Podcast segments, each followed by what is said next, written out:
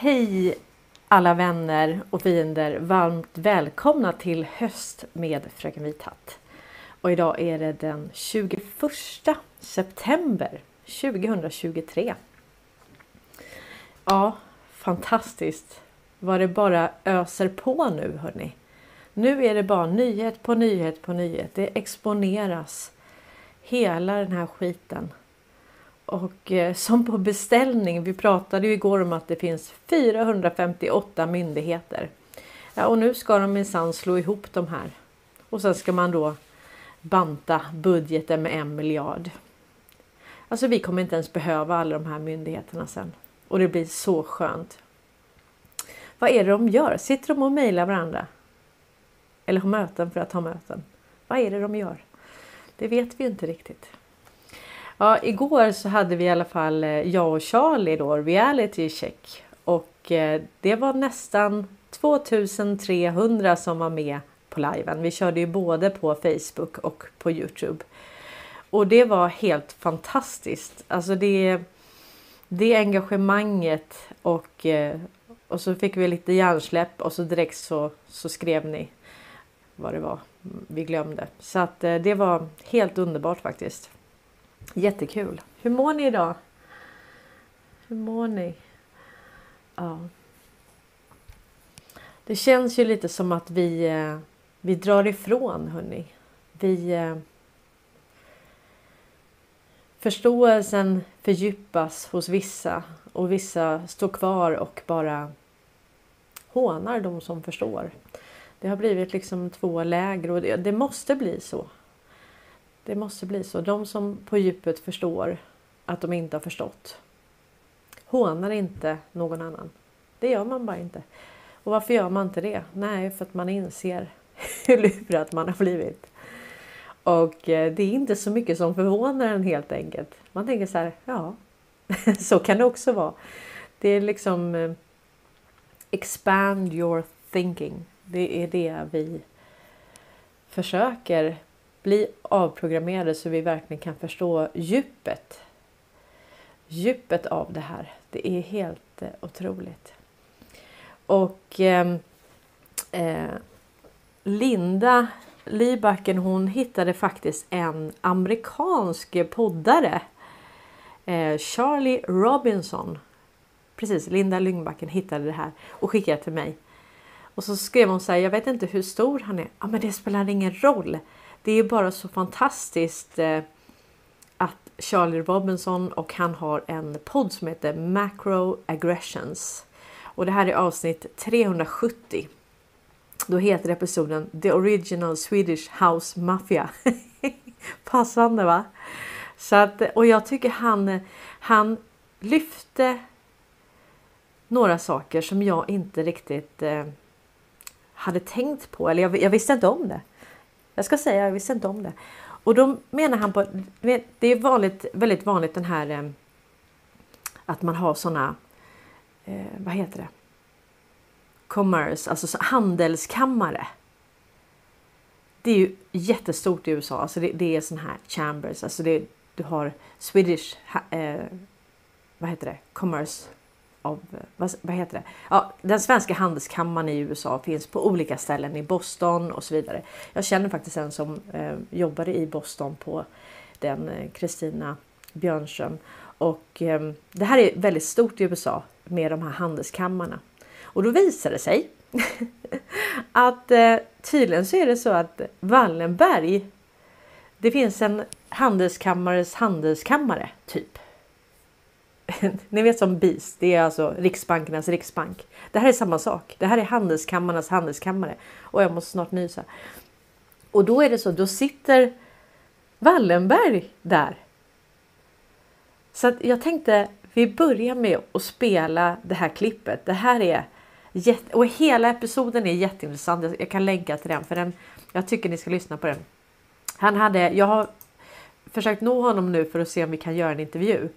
Och han rabblar då alla bolag som Wallenberg sitter i. Hörs jag, syns jag. Inget teckenspråk.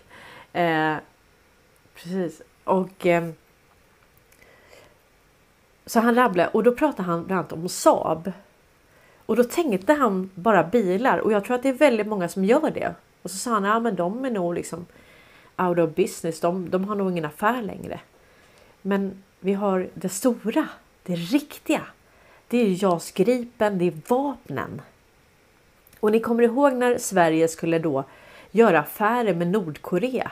Ja, då kastar man in lite Volvobilar för att det skulle se ut som det. Så jag skojade med, när jag pratade med Charlie och sa det att de har säkert smugglat i de här bilarna så att det var det Saab-bilarna var till för.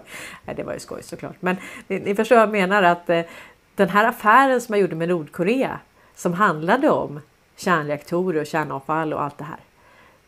Då kastar man in några Volvobilar så ska det se ut som att nej, men vi gör affärer med Nordkorea och säljer Volvobilar. Alltså de skiter väl i Volvobilarna. Ja, det är ju vad man kan frakta i Volvobilarna i sånt fall. Det kan ju vara intressant ju.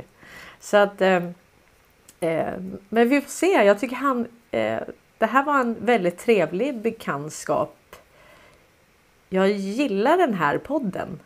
Jag tror jag ska lyssna lite på honom. Jag tycker han är, han är ganska underhållande. Det kommer ni se själva. Riktigt smart. Kul! Så jag tänker vi ska spela upp det och jag ska gå och eh, nysa tänkte jag.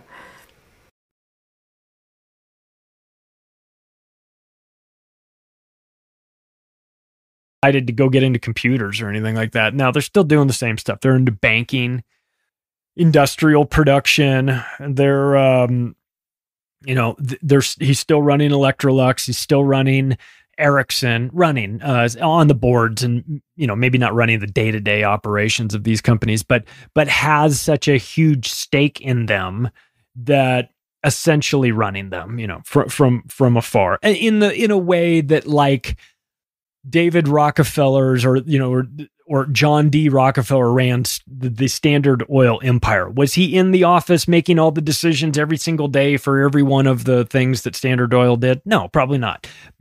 But he had the he put the people in place that were running it. So I assume that as these Wallenbergs uh, continued their, you know, to hold assets and, and hold these, you know, interests in these companies that that just kind of passes down along with you know to their to their children and um and on and on it goes so um so this third Marcus Wallenberg, he's also the, on the steering committee of Bilderberg, just like his dad.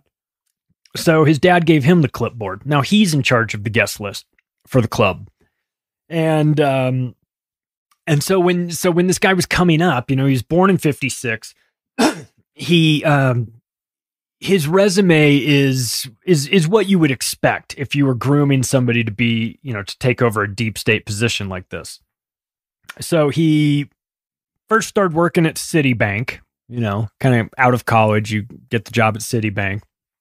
Then moved to Deutsche Bank, then moved to Warburg, he's working there. Then back to Citicorp, which is sort of like the main, uh, sort of like the holding, the bigger version of, of Citibank. And it ended up with him running the family bank, which is SEB Group. So that's the the main bank in Sweden that this family controls. So so again, they they want to make sure that he's qualified to run these banks. So he does have a track record run, you know, being involved in banking, but he was always slated to run run this bank at some point unless he was, you know, completely incompetent like a like a Hunter Biden type or a, you know, somebody that's just too in, too fucked up to to to be in a position of power.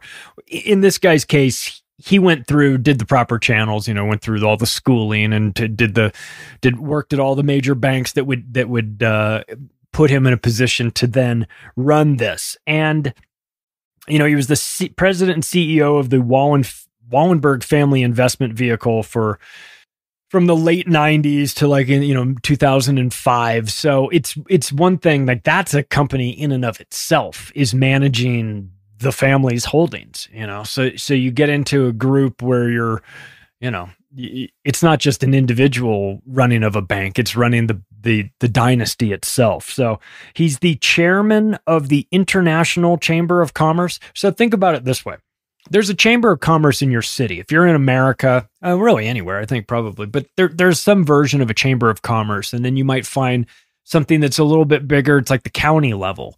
and then maybe even then the state level, like you could be the head of the California Chamber of Commerce, right? And that'd be a big deal. And then you would mo- move up to a position if you were really uh, aspirational. You could be, say, the the the head of the the national chamber of commerce. Like you could you could be the head of the chamber of commerce for the United States. That'd be so powerful.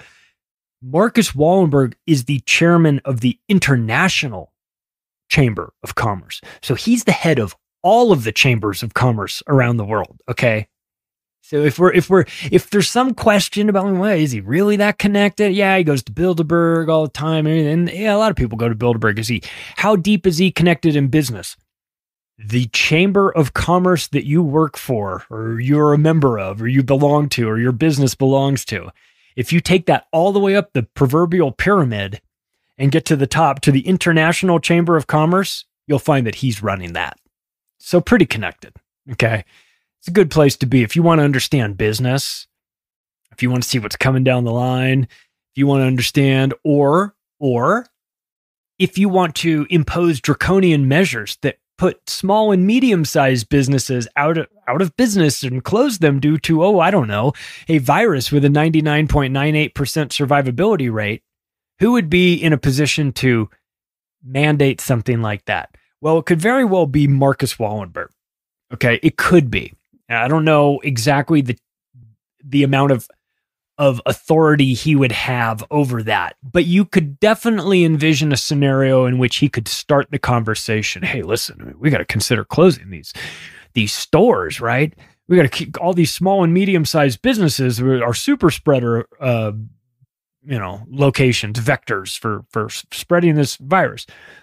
Of course, not the not the companies he runs, of course, the, the big multinational business, they're, they're fine, right? Go to Home Depot. Oh, we got to close this local hardware store. You know, we don't want anyone to die from COVID in this, uh, in Bob's lumber down the street, right? But Home Depot's open, right? So this is kind of, the, the, this is, this is who he is. This is what he does. He's the vice chairman of the Institute of International Finance. Again, real you know this sounds like a you know, like institute of international finance. You want to go with me to the meeting for the institute of international finance? Like no thank you. I'd rather blow my brains out than sit through one of those meetings. But he's the vice chairman of it right? Something's going on there. You know they've sort of disguise it by by like making it sound as boring as possible. You know like the institute of international knitting would be more interesting than this. But something tells me that these guys are up to no good at this. So we might want to put somebody in one of these meetings just to see what's going on. But of course, when you are a bazillionaire like this guy is, like his family is, then one of the things that they really like for you to do, call it a hobby, I don't know, call it a duty, an obligation, but they put you on the board of directors for a lot of companies and you can listen if your only job if you didn't own any of these companies but you were just on the board of directors they pay well you know like you could be on the board of directors at some place where you meet like six times a year and you're paid like 300 grand you know? So i mean that's not a lot if you're if you're a wallenberg you know these guys are multi-billionaires. But but i'm just saying that if if if somebody asked you to be on the board of directors for some big company like they pay you they pay you a lot of money. So he's on the board of directors for AstraZeneca. Oh.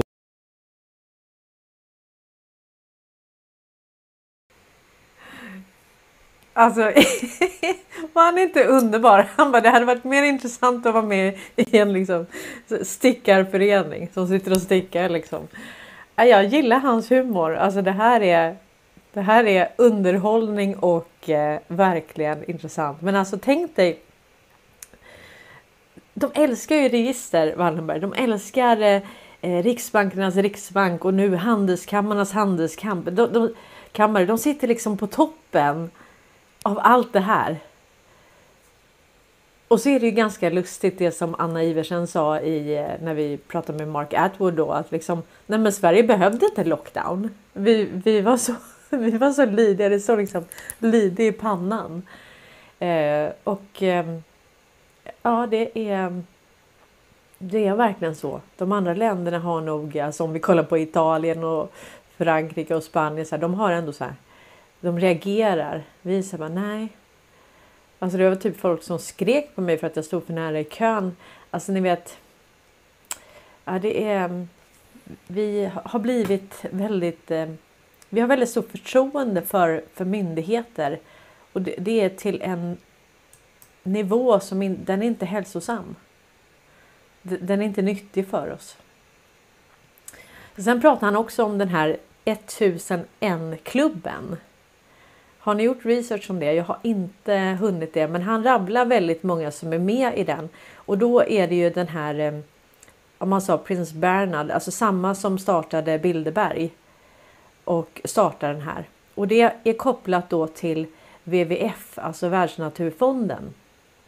Eh, och det handlar ju såklart inte om att rädda pandorna och, och det här utan det är ju en elit, alltså en globalistisk, eh, ja, som alla de andra välgörenhetsorganisationer och sånt som är, som är motsatsen till vad de säger att de ska göra.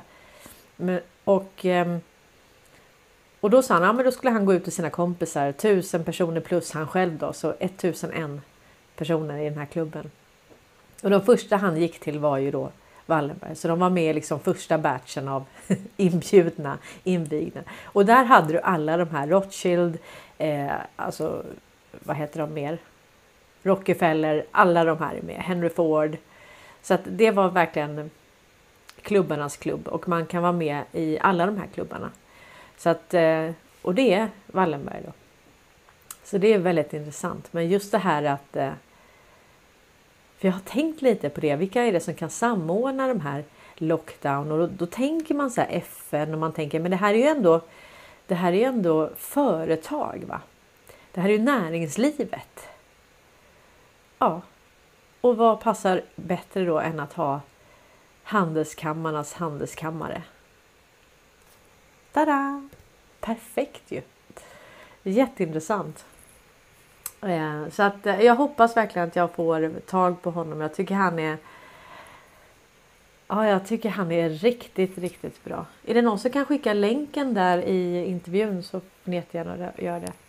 Eh, Jenny Lindvall skriver att hon lyssnar i 20 minuter och det är superspännande. Ja, men han är riktigt underhållande faktiskt. En timme med honom gick bara så jättefort. Eh, Mikael Häggström skriver svensken är nog en av få som ställer sig i kö fast man är ensam. Ja, ja precis. Men det är kö här. Hallå, kan jag få betala? Ja, men nej, men jag kan säga jag ställer mig i kö. Jag, jag går inte bara fram till kassan även om jag är ensam. Så jag håller helt med dig. Jag väntar på att de ska vifta fram mig. Så att eh, ja, jag är väldigt så indoktrinerad i det här. Ja, hörni, vi har, vi har väldigt mycket att gräva på faktiskt. Vi har mycket kvar som vi inte har förstått. Men för mig så blev eh, den här Charlie Robsons macroaggressions. Det här med handelskammarnas ham, handelskammare. Handelskammarnas handelskammare. Det blev en pusselbit för mig som jag ska gräva vidare på.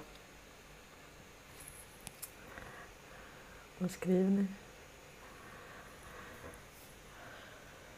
Victoria skriver vi är avprogrammerade nu. Nej Victoria, det är vi inte. Jag tror inte vi är i närheten av det. Alltså vi jobbar på det. Men vips så är vi där igen och så bara går det på rutin och så, och så tänker vi. Men vi jobbar verkligen på att bli avprogrammerade och jag tror att det är väldigt mycket som kommer som vi. Ja, man hade liksom inte kunnat kasta en elefant till oss var och sagt svälj på en tugga liksom. Utan det här är och egentligen är det så här att man kan väl säga att det, är liksom två delar i det här. Jag sa det här med The Greatest Show on Earth, den här dokumentären med Nick Alviar. Nu är det så att Anna Iversen har fått. Precis. Anna Iversen har fått eh, manuset till det så att vi ska översätta det. Eh, jätteintressant för att det här är. Den är riktigt, riktigt bra. Och eh, jag ska bara säga att Världsnaturfonden WWF grundades den 11 september 1961 och en av dem var Prince Philip Mountbatten.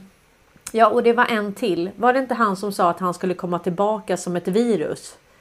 Det var han och sen var det typ om han hette Prins Bernard. Eh, han som också startade eh, Bilderbergmötena. Men det här, eh, nu skriver Anna. Eh, Anna Iversen skriver så här. Jag samtalade med en norrman om NATO häromdagen. Det roligaste var att han tyckte att det var självklart att ordförande bör vara skandinavier för att vi, vi, vi är mindre korrupta här i Norden. Anna bor ju i London så att hon ser ju ja, hon ser Sverige lite annorlunda. Jag tror hela hennes vuxna liv har hon bott i London och jobbat som advokat. Och eh, nu jobbar hon med vakna saker och det var hon som hjälpte mig också att eh, Prins Bernhard ja. Det var hon som hjälpte mig att eh, översätta Swedish Kings of Cyber War. Så det var fantastiskt. Så Anna pratar ju svenska också. Hon är ju svensk. Okej, okay. men eh, i alla fall det här ehm, manuset då. Det är två delar. Det som den här dokumentären handlar om, det är liksom the takedown. Det är hur man ska lösa upp de här klustren av företagsintressen som har samverkat, som har träffats i 1001-klubben, som har träffats på Bilderberg, som har träffats i Handelskammaren, som har träffats på eh, vad heter den, trilateralkommittén eller vad heter, vad heter det? Trilateral. Ja, alla de här grupperingarna som finns. Och sen har vi då nätverket med NGOs och eh, WHO och FN och alla de här överstatliga organisationerna som styrs av samma intressen. Så när man slår ihop det här och eh, deras makt och hur mycket pengar de förvaltar och det faktum att de kan trycka pengar i oändlighet gör ju att, att, att den lilla makten som kanske skulle kunna bli över för politiker, den är larvig. Alltså, ja, stäng av pengarna så, så finns det inget att snacka om ju. Och det är privata intressen som kontrollerar det. Och eh, det är bara att titta på när man tog bort premien på elbilar. Det var inte så att det minskade när man tog bort premien på elbilar så minskade det med så 50 procent eller så. Nej, det gick till noll. det gick till noll. Och det pratade jag och Charlie om lite igår för han, han vill då eh, starta en hjälp. Han kanske lyssnar, han sitter i bilen. Men eh, han vill starta en hjälporganisation och riva det här och verkligen få människor att hjälpa varandra. Men, och det, tanken är jättefin och vi kommer komma dit. Det är bara det att eh, när man ser då att eh, antingen får du en premie på elbil och då köper alla elbilar och sen tar de bort premien och så går det ner, ner till noll. Då förstår man att det handlar ju kanske inte så mycket om klimatet då. Och om vi tänker på att välgörenhet handlar om image, att eh, kanske sponsra sin lokala klubb eller tvätta pengar. Det har liksom aldrig handlat om att man vill hjälpa andra. Det är en väldigt, väldigt, väldigt liten del av det här. Utan de ger pengar för att det ska se ut som att det går till de här organisationerna och sen kontrollerar de dem och så fungerar det som tvättmaskiner. Alltså det är så det har fungerat hela tiden. Så att, om tanken var att, att det finns riktig välgörenhet och vi ska byta ut den till, till ännu mer genuin välgörenhet. Det är bara att det finns ingen välgörenhet. Ja, det kanske finns någon som hjälper någon sådär. Men jag pratar om industrin välgörenhet. Den finns inte. Den handlar om lobbyverksamhet, den handlar om penningtvätt, den handlar om eh, imageskapande. Det handlar om branding, positionering. Det handlar om eh, jag kliar din rygg och du kliar min rygg. Typ. Nu kanske jag raljerar lite men ni förstår vad jag menar. Och det, det är det som är grejen. Vi har liksom inte vi har inte någon mylla för att på riktigt hjälpa någon. Och det är också, vi har ju kastats in i det här Hunger Games. Det är Hunger Games, alltså vi, det är liksom äta eller ätas. Det är fruktan för hur snabbt det kan gå och då, då är du ute på gatan liksom. Så att det här gör ju att det är väldigt, det är väldigt lätt att hålla människor i schack om man styr dem genom fruktan.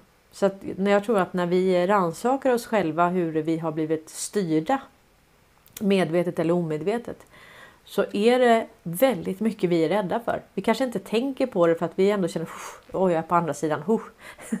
Men i botten så ligger någonstans en vetskap om hur snabbt det kan gå på andra hållet.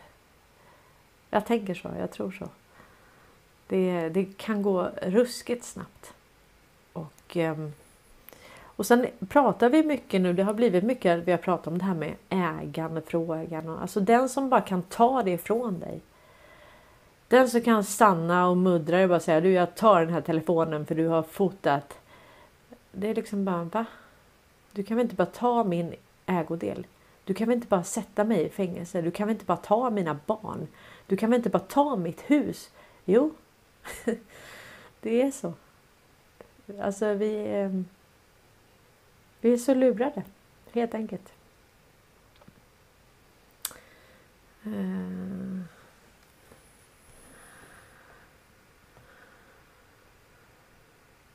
Ja, ni har massa diskussioner här.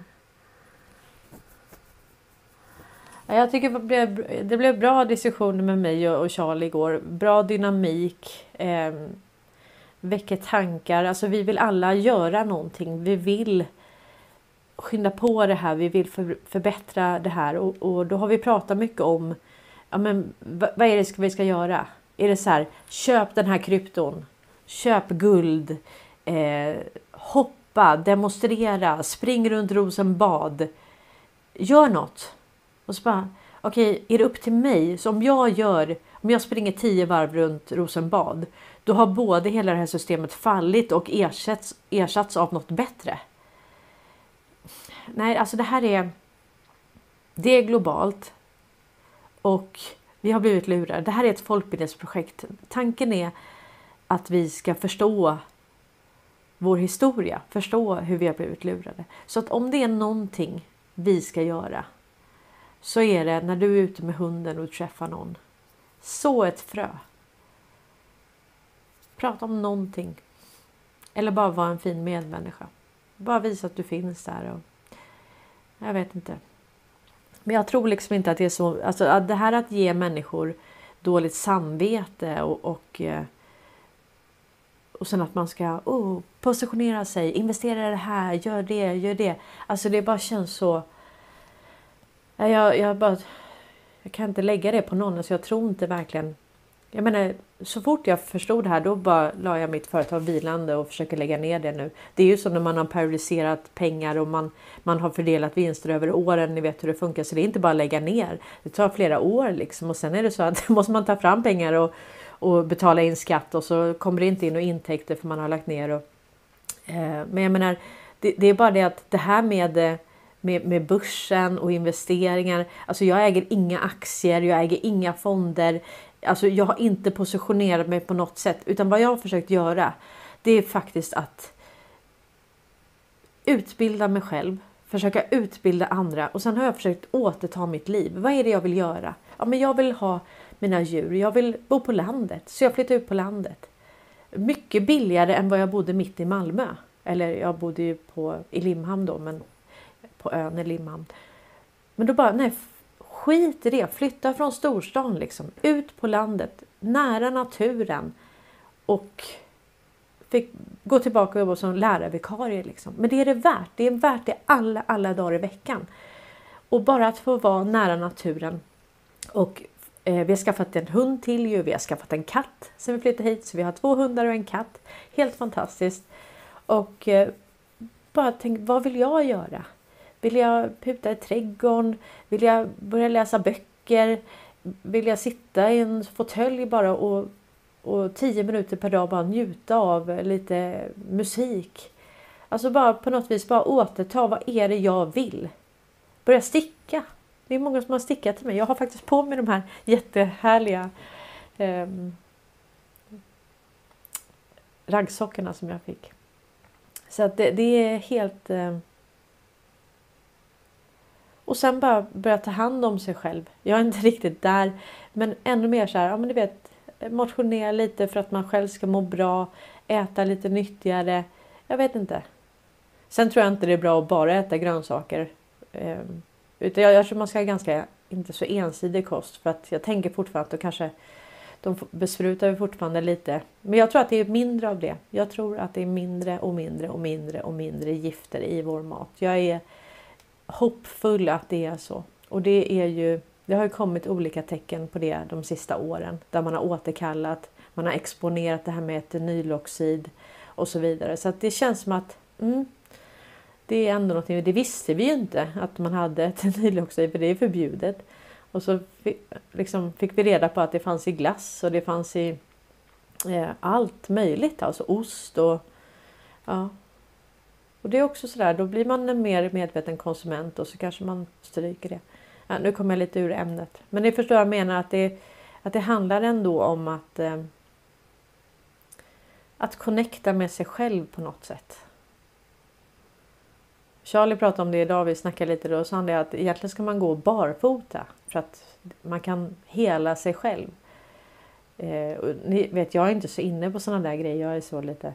Men, men det är ändå intressant att jag tror att det finns väldigt mycket så här. Man kan äta saker för att hålla sig frisk, man kan eh, jag tror faktiskt man ska krama träd. Kanske inte krama träd, men alltså, ja men ni vet, gå barfota, gå i naturen, få solljus. Jag tror inte det är bra med solglasögon. Jag har ju sådana som ändras till solglasögon och det är egentligen inte alls bra. Jag tror man ska få sol ända in. tror jag är jätteviktigt. Så att eh, det är såna här små hemligheter. Eh, små hemligheter. Jag har någonting som heter som jag haft här på mitt skrivbord rätt länge. Jag vet inte ens vad det står men eh. ja, men det här var väl rätt kul. Det var väl inte riktigt så djupt som jag trodde att det skulle vara. Eh, men jag bara fick upp den här Lifehacks for 2023. If Bill Gates is involved, avoid it. Om Bill Gates är involverad, bara undvik det. If the news says it's good for you, it's not. Om nyheterna säger att det är bra för dig så är det inte det. If Klaus Schwab says you will be happy, you won't. Om Klaus säger att du kommer vara glad så kommer du inte bli det. If the FDA says it's safe, it's probably not. Om FDA säger att det är säkert så är det troligtvis inte det. If you're being silence is because you're sharing truth. Om du blir tystad eller censurerad så är det för att du delar sanning. Ja, det är väl lite det som är kontentan. Gör tvärtom. Tänk tvärtom, då är du närmare sanningen än vad du någonsin har varit faktiskt. Ja.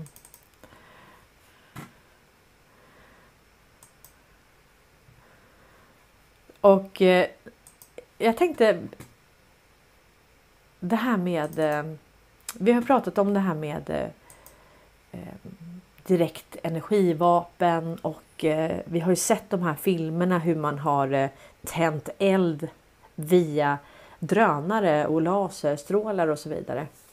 Och här är ett litet klipp på och det här är väl eh, han Esper tror jag han heter va? Esper. Och han pratar om att eh, det här är Pentagon som medger då att det finns Direct Energy Weapons. Det vet vi att det finns direkt energivapen. Eh, det var ju en whistleblower faktiskt från var han från MI6 tror jag. Jag har försökt hitta det där igen. Jag har det någonstans i min telefon. Och då så menar han ju på det att man hade då använt eh, sådana direkt energivapen på Irland. Det var mycket eh, demonstrationer och så. Så för att lugna folkmassorna så riktade man energi. Och nu säger inte jag att det var det man gjorde i Stockholm, men det, det, var ju en demonstration i Stockholm och det var ju rätt många som mådde dåligt efter den där demonstrationen. Så att eh, tekniken finns ju. Så att, eh, och det, det, finns ju en mängd patent på det här som vi också har sett. Så att, eh, men det är väl bra att de, eh, att de ehm, går ut och erkänner det här nu. Så att jag tänkte vi ska lyssna på det här klippet med, med Esper. Jag tror han heter det.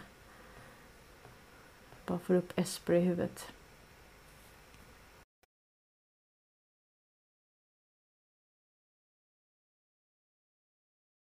once peaceful arena into a warfighting domain. They have weaponized space through killer satellites, directed energy weapons, and more in an effort to exploit our systems and chip away at our military advantage.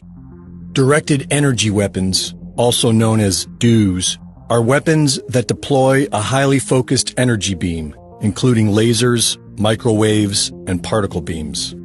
After decades of research in the United States, defense contractors announced back in 2015 that these systems are expected to come online by 2020 and are currently announcing that they are ready to deploy in the field. Russia, China, India, and the UK are developing directed energy weapons as well. And Iran has had them in use since at least 2013. In 2019, Turkey was the first to officially deploy this technology in combat when they claimed to have shot down a Chinese-made drone supplied to the Libyan National Army. On September 16th, Defense Secretary Mark Esper announced that China and Russia have already weaponized satellites with directed energy weapons. Meanwhile, in space, Moscow and Beijing have turned a once peaceful arena into a warfighting domain. They have weaponized space through killer satellites, directed energy weapons, and more in an effort to exploit our systems and chip away at our military advantage. And for the past few years, many have wondered if these advanced weapon systems have anything to do with the unprecedented fires we have seen in the past few years. Laser-based weapons are able to destroy the target with external heat. And microwave weapons are designed to penetrate the target through external antennas and sensors and ignite the internal electronics, destroying them from the inside out. This could explain how thousands of homes have rapidly burned into their own footprint while the trees surrounding them survive. And it could explain the several cars we have seen utterly destroyed with temperatures hot enough to liquefy glass and metal. Michael Janich, host of the YouTube Dutch Sense channel, has been researching the Earth's seismic activity for the past 10 years. During the past few weeks, he has discovered satellite imagery that show an equal distance spread of fires, all starting within the same four hours. Four hours? We've got ourselves an equal distance spread of fires here, here, here, here, and here. So, what could cause an equal distance spread of fires? Well, only two things Mother Nature or man, right? There's no storm in the area. You can't blame a storm. So, what could cause equal distance spaced fires to spread out across, what do you think that is? One third of Idaho? And he also discovered what looks to be a beam of light that can be seen in the infrared spectrum, like a microwave. On September 8th, a beam of light can be seen directed to the Dolan Fire of California. The beam appears to excite the heat signature of the fire as it is held on target for over two hours. Right before dawn, watch that. This is yesterday, going into this morning. This is in California, the beam coming from space up above Oregon, or somewhere in between this and Oregon. And as it's going through, see how it excites? As the beam is spreading, look how it excites. It's no doubt about it. And the beam spreads first. Look, beam spreads first. It goes from a tiny, little, tight beam to a wide beam. Then the fire spreads to a wide fire. The next day, a beam of light is seen directed at and exciting the heat signature of the Holiday Farm Fire in Oregon for over an hour. Here, here it is now, and it's two of them. And it's only going to one fire, a different fire. And it's moving. Okay, it's moving. There's clouds going through it, which rules out it being an artifact. The clouds are passing through and interfering with the beam. Meanwhile, in space, Moscow and Beijing have turned a once peaceful arena into a warfighting domain. They have weaponized space through killer satellites, directed energy weapons, and more in an effort to exploit our systems and chip away at our military advantage. The timing of this public admission is interesting. These weapons of the future are now officially being deployed. Are we currently being attacked with directed energy weapons? And if so, by who? Okay, so first of all, I was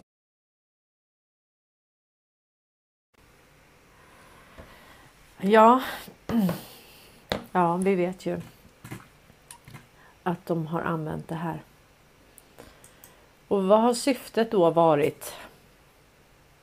Ja, syftet tror jag är ett utav dem att, att eh, dränera statskassor.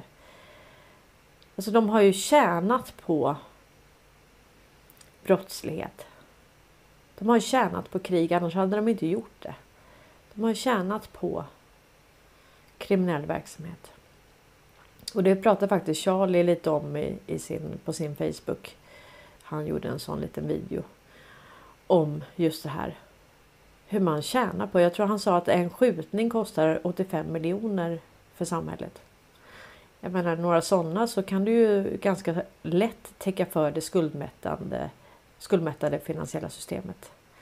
Så att de behövde ha alla de här katastroferna. De behövde ha pandemier, de behövde ha krig, de behövde ha naturkatastrofer som inte är några naturkatastrofer. Om man, kan, om man nu kan skapa det via HARP eller som det här direkt energy weapons och så.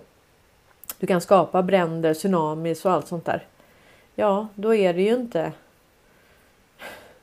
Då är det ju skapat för att kunna ja, slussa pengar vidare. Så att eh, jag tror att det har, det har inte funnits ett sätt. Det har funnits väldigt, väldigt, väldigt många sätt att göra det här på. Och ehm, ja. Det här såg jag och det var väl eh, Göran Strand som delade det. Jag ska bara säga att idag kör vi också eftersnack på kombinerat då igen på Twitter och eh, eller X och eh, Youtube. Vill man prata så får man gå till, gå till Twitter och skaffa ett konto där och gå med där. Man får jättegärna fortsätta skriva i kommentarsfältet här, men ehm, det ska bli jättekul. Så jag har lite tidspress. Jag har hur mycket kvar som helst att säga, så nu kör vi. det här är ju rätt intressant eh, att Erdogan då, han svarade inte på frågorna istället upprepade han kritiken. Det här var väl när han satt eh, i, i New York nu häromdagen. Och då skriver han Sverige har varit en vagga för terrorism och terroristerna har infiltrerat hela vägen in i deras parlament, säger Erdogan. Han fortsätter kritisera Sverige för att terrorister får demonstrera i Stockholm. Men vilka är det som sitter i, i riksdag och regering då? Vilka är de? Vet vi det? Har vi koll på det? Nej, kanske vi inte har riktigt. Så, och sen tänkte jag. Jag blev också så himla irriterad. Jag sökte på BAE på Twitter eh, och då kom det här upp.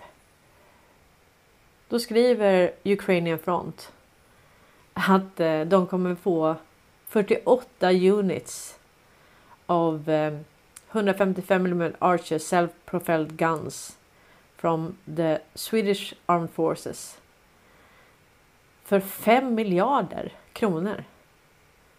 They are supposed to replace artillery installation that Sweden sold to Great Britain and gave to Ukraine.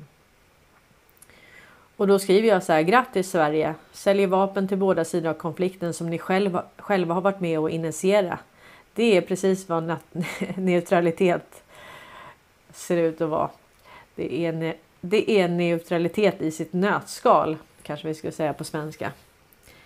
Ja, det här är man, man upphör inte att förvånas alltså. Ja.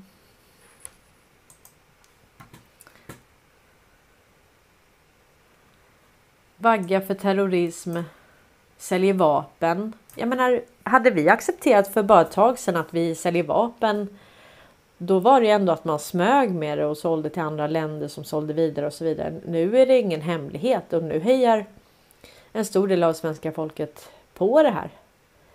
Blodtörstiga, krigs, krigslystna egocentriker. Egennyttiga. Det är fruktansvärt att se hur snabbt den här förändringen har, eh, har skett. Eh, jag tänkte ändå jag skulle ta, för Zelensky då, han eh, pratar faktiskt om, eh, han höll ett litet tal här och Zelensky är en skådespelare. Och han gör precis vad han ska för att väcka opinion. Och jag tycker att det här är... Jag tror han spelar dubbelt. Och det har jag sagt sedan från början för att han eh, han satt ju också i sin källare som Joe Biden och så helt plötsligt så var han vald. Ingen erfarenhet egentligen av eh, politiken. Och eh, ja, han exponerar ju det här. Det är det han gör. Vi ska lyssna på Zelensky här.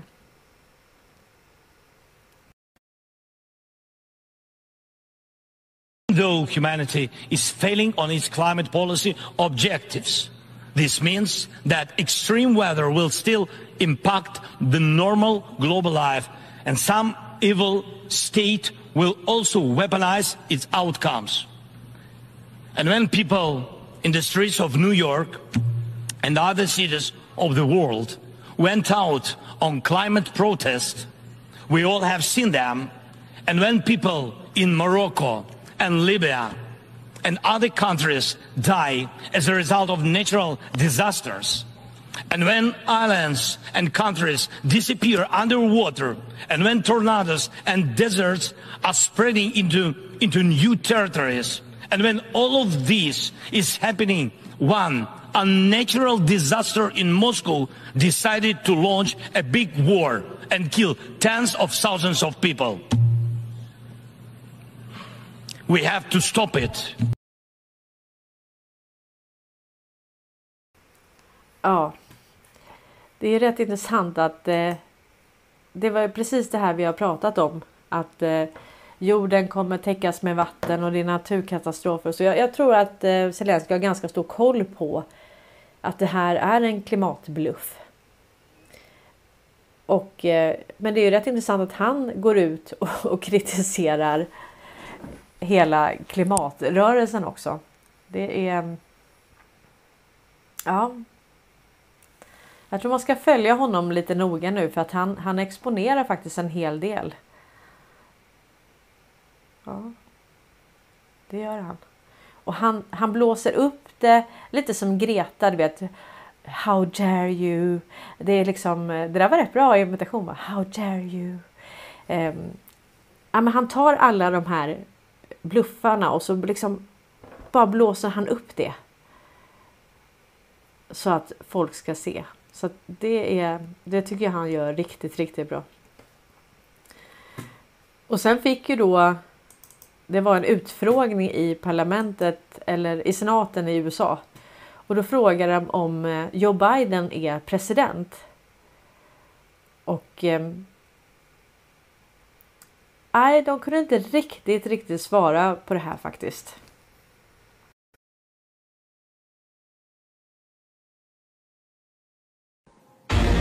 Is Joseph R. Biden of Delaware the duly elected and lawfully serving President of the United States of America? He is the President of this country. Is he the duly elected and lawfully serving President of the United States? He is the President of our country. Are you answering that omitting the language duly elected and lawfully serving purposefully? I'm answering the question. He is the President of the United States. And you have no view as to whether he was duly elected or is lawfully serving? I'm telling you, he's the President of the United States. No further questions. Senator Cornyn? Um,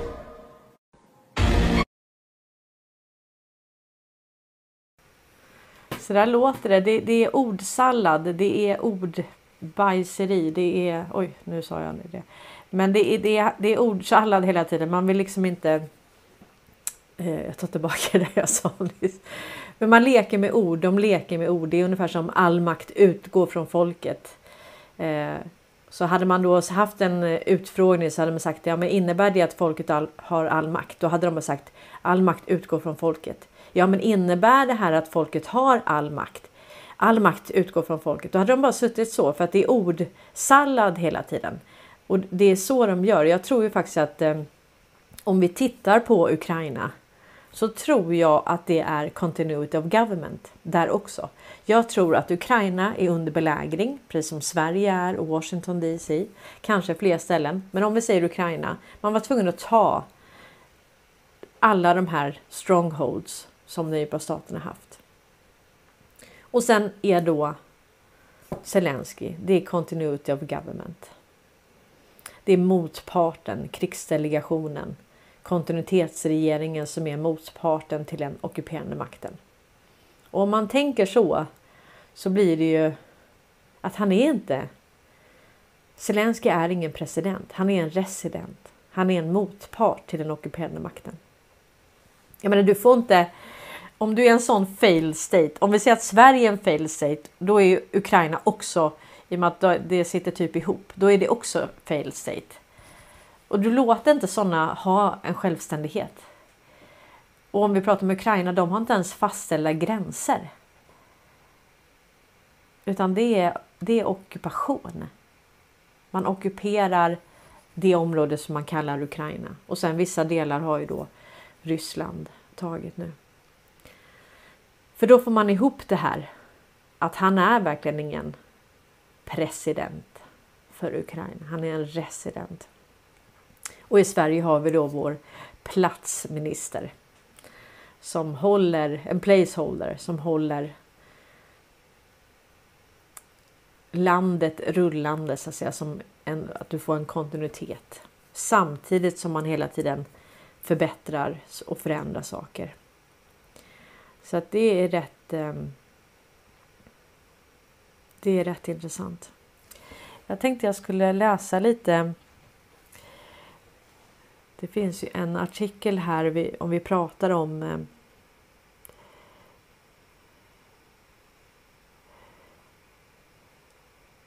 det här med eh, Nej, det blir, det blir för tajt. Vi får ta, jag har en artikel här om massövervakning som vi ska prata om.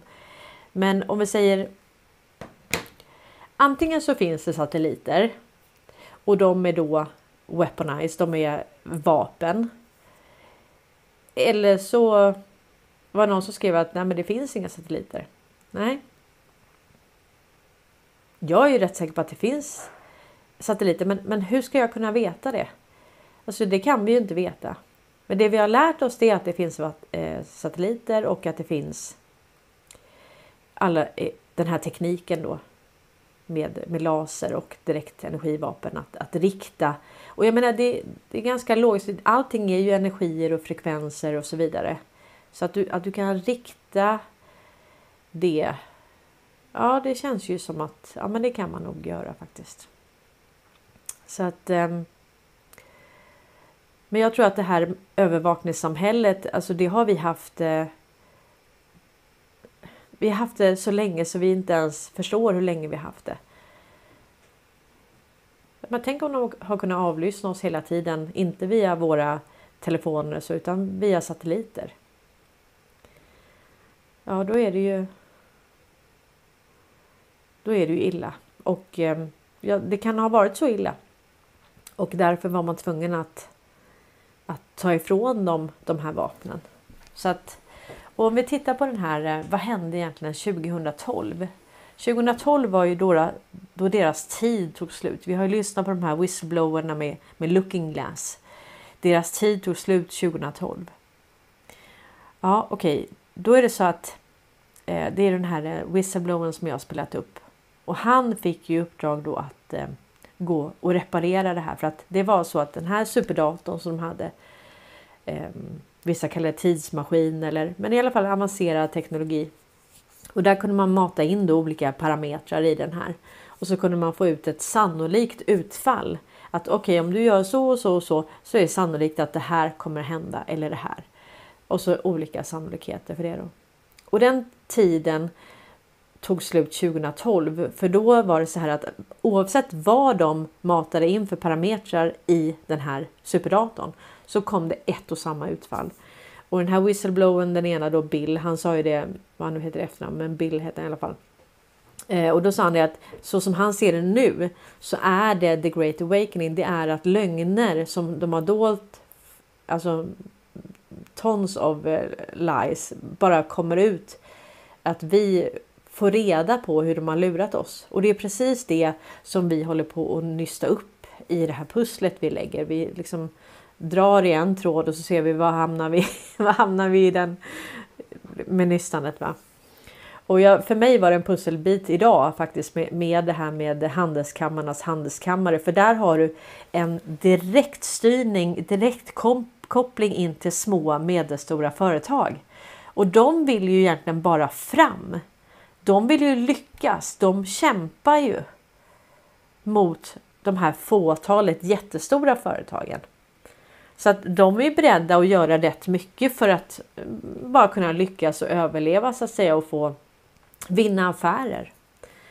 Så att det, det är ändå intressant hur de har liksom nästlat in oss och drar vi en tråd så kommer den ut på någon annanstans och så förstår vi hur de, hur de mer och mer har liksom styrt och ställt, dragit i, i trådarna och satt in alla de här människorna som vi ser och som vi har sett upp till. Vi tror att det är de som är de framgångsrika. Hallå, det är inte de. De är bara de är utbytbara. De är ingenting. De har ingen makt utan de är där på nåder. Så att ehm, ja, det är rätt intressant. Vad har vi mer här? Det är två minuter kvar. Jag tänker att eh, de har säkert startat där redan. Vi ehm,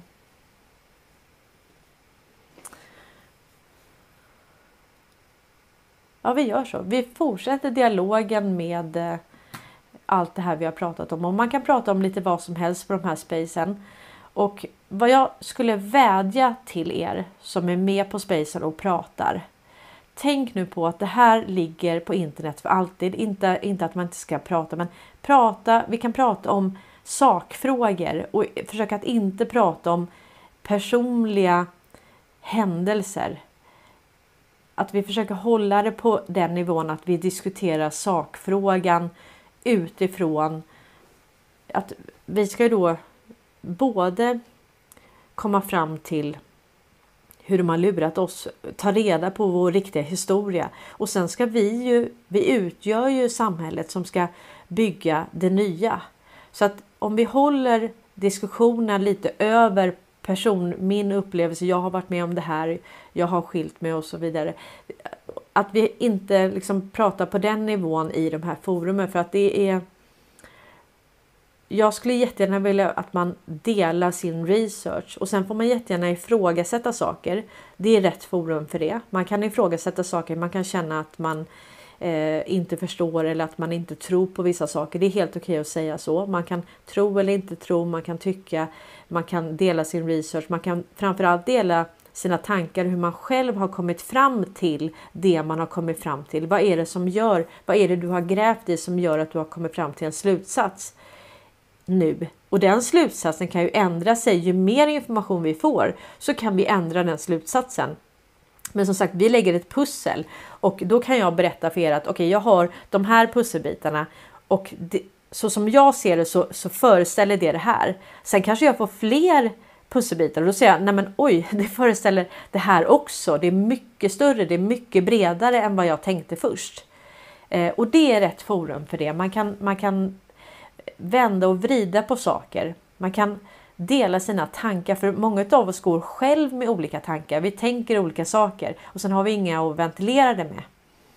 Eh, och det är rätt forum för det, att, att prata om de sakerna. Och jag kan säga att de som är med på det här spacet, det är liksom det är riktigt vassa researchers som har varit nere i mängder med hål och vänt och vridit på det här eh, långt, långt innan jag vaknade upp.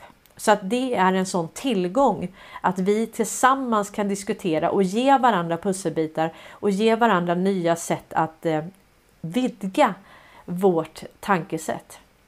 Eh, nu är hon 13.01 så att jag öppnar upp eh, spacet nu. Ni som vill följer hänger kvar här på Youtube. Tack så mycket att ni har tittat. Tack att ni gillar, kommenterar, stöttar den här kanalen och tack att ni bidrar med era tankar, er research och allt ert engagemang. Det är vi tillsammans som är den förändring vi vill se. Det är vi som är samhället. Det är vi som ska bygga det nya. Och det gör vi tillsammans. Och det är det som är så härligt. Och då har vi olika roller och vi kompletterar varandra på ett enormt fint sätt tycker jag. Tack så mycket att ni har tittat. Vi ses igen på söndag klockan halv åtta. Och häng gärna kvar här och kom in på Twitter Space X.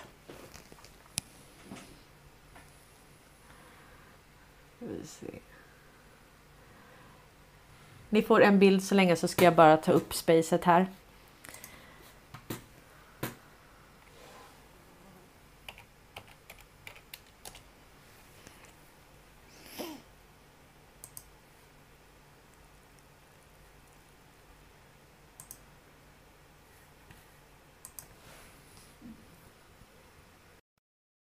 Jajamän, det håller jag med om. Ja. Så vi, vi jobbar på olika eh, plattformar och eh, eh, det, det, är väl tanken är väl att eh, vi ska försöka jobba över alla plattformar och medier. Så då, då är det väl bra om någon som är lite varm i kläderna även eh, eh, Alltså, no, oj, nu, nu blev det mycket i mitt huvud. Det är mycket i det. Nu kom Cornelia också. Ja, där kom Cornelia. Uh, ja, det är väl uh, någon som känner sig manad. Annars får vi väl ta uh, Tom har tydligen kommit in också. Mått. Ja, men jag har kastat åt den en, eh, en mikrofon. Och se hur det går med det. Nej men, god, god dag Cornelia. Jag skickade dig en mick. Jag vet inte om den gick fram. Det... Så. Ja, ah, det var den. Okej, okay. ja, ja, ja. Ja, det är lugnt. Jag har kontroll. det är så många Cornelier här inne. Nu. Ja, precis. Det är, det är den här Cornelia Gustafsson som behöver en mick. Den andra behöver inte, utan det är bara en lyssnare. Ja, tack så mycket att ni hostar det här fina eftersnacket och att ni modererar det här så bra, Twittergänget. Och det är kul att vi kan liksom väga ihop nu eh, Twittergänget, researcher på Twitter tillsammans med alla ni som hänger på Youtube. Så att det är fantastiskt hur vi kan eh, bygga broar. Och eh, vi ska prata lite idag om det som vi pratade om idag på, på liven. Och vi kan givetvis prata om vad som helst om vi håller det till lite mer övergripande saker. Eh, och sen vill jag också slå ett slag för eh, de här historiespacen som ni kör på torsdagskvällar med eh, Mattias och Marcus. De är ju guld värda och de finns inspelade också. Som sagt, det handlar ju om att återta våran historia och eh, förstå vad det är, vad det är vi kommer ifrån, vad vi, vad vi har blivit utsatta för. Ja, men så är det. Och eh, jag hade, vi, vi saknar en medvärd idag. Och jag tänkte så här. Att om det är någon från eh, Youtube, dina följare där, mm. som skulle vara sugen och prova på och, och kanske ta en sån position här som medvärd, så eh, finns den möjligheten. Och om det är någon som känner sig manad och har, har lite erfarenhet med knappar och på Twitter så här, så finns den möjligheten helt enkelt.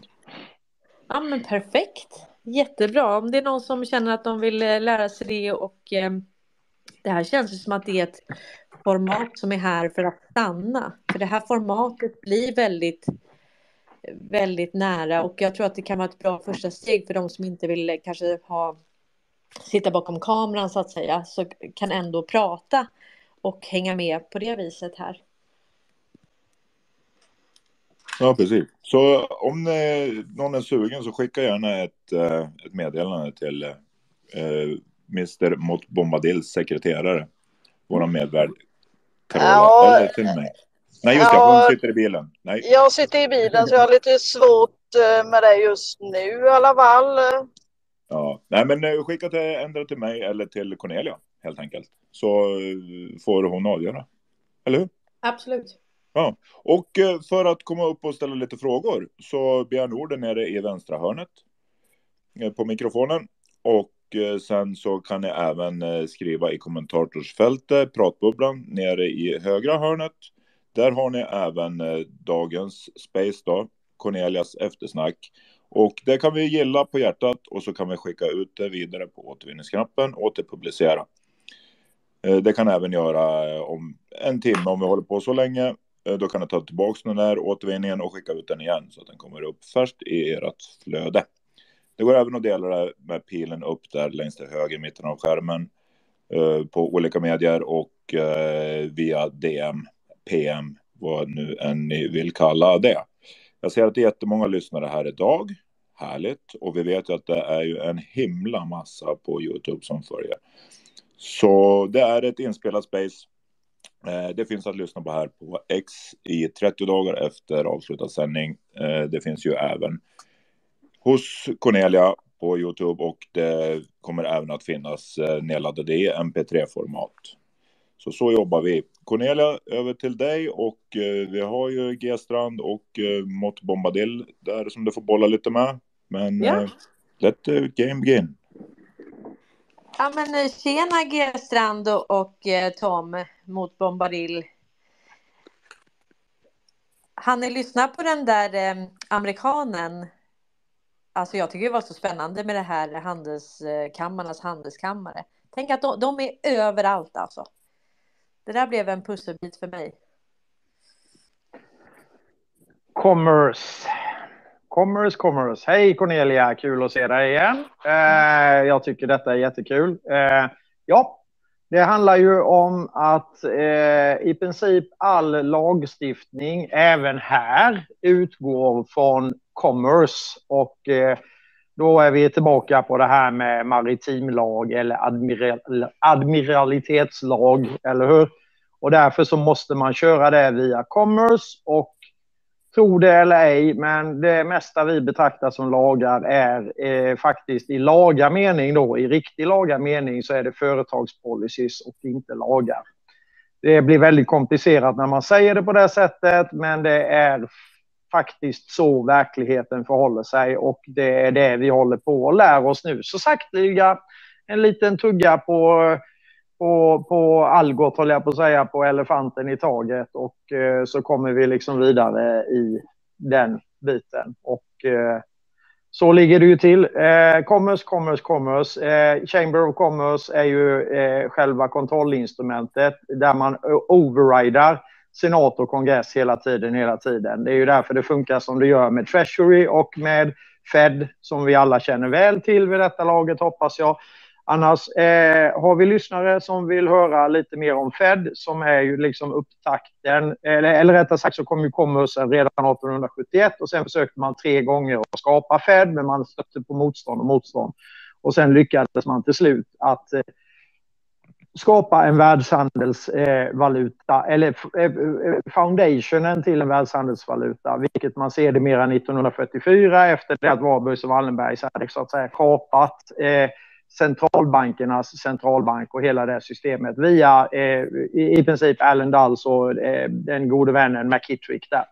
Eh, så kunde man få till det här Bretton Woods-avtalet. Eh, Alltemedans eh, eh, tredje riket-projektet föll i spillror för deras gamla eh, bolsjevikrevolutionsprojekt slog tillbaka mot dem helt plötsligt eh, i det fallet. Så att eh, vi kan prata mer om det, men det är commerce, commerce, commerce och eh, det handlar bara om business det här. Vi är handelsvara. Tyvärr är vi cattle eller chattel som det heter, kreatur och handelsvara i admiralitets eller maritimlag som det egentligen heter. Och det är ett jäkla elände. Och det är ju en av grundpelarna, Cornelia. Det, vet, det, det, kan du lika bra som mig, men eftersom jag har många nya lyssnare så repeterar jag detta eh, och hoppas på att det kan leda in tankegångarna till den fortsättningen som följer här. Tack så mycket Cornelia för allt ditt arbete och jag tycker det är jättekul att få hänga här med dig och Strand och med allihopa. Så att, eh, ja. nu Nej, och det, det, är väldigt viktigt att, att vi upprepar de här sakerna, för på något vis blir det, när vi gör det så, så knyter vi ihop det på ett nytt sätt, så det blir som att ja, den här tråden passar ju här. Och det är precis som du säger, att man har ju byggt upp hela konstruktionen med en massa företag, så allting handlar om företagspolicies. Eh, vi är företag och alltså hela konstruktionen är e-commerce. Och det var ju så intressant då att eh, Givetvis. Det är lite så här, var är svensken? Nej, men han satt ju på toppen av det också. Och det, det kunde jag ju bara anat, men det blev liksom en... Det blev så här, nej, inte igen. Hur ser du på det, Strand? Eh, jag fick bara se slutet för jag satt i bilen innan, men jag fick se slutet bara. Jag tror det är en väldigt bra segway precis som Bombadil säger. Eh, sen, sen tar ju Nazi World Order vid eh, från Bretton Woods och, och framåt. Och jag tror filmen, videon, är en bra segway och en bra ingång i, eh, i den där funderingen. Så eh, det lilla jag såg tyckte jag var riktigt bra. Jag ska faktiskt ta och leta upp han och se hela nu när jag, eh, nu när jag är hemma igen. Jag kan lägga länken i... Eh, jag, har ju, jag har gjort en tweet om det, va? så att vi kanske kan lägga min tweet i... Eh, hur funkar det? I fönstret.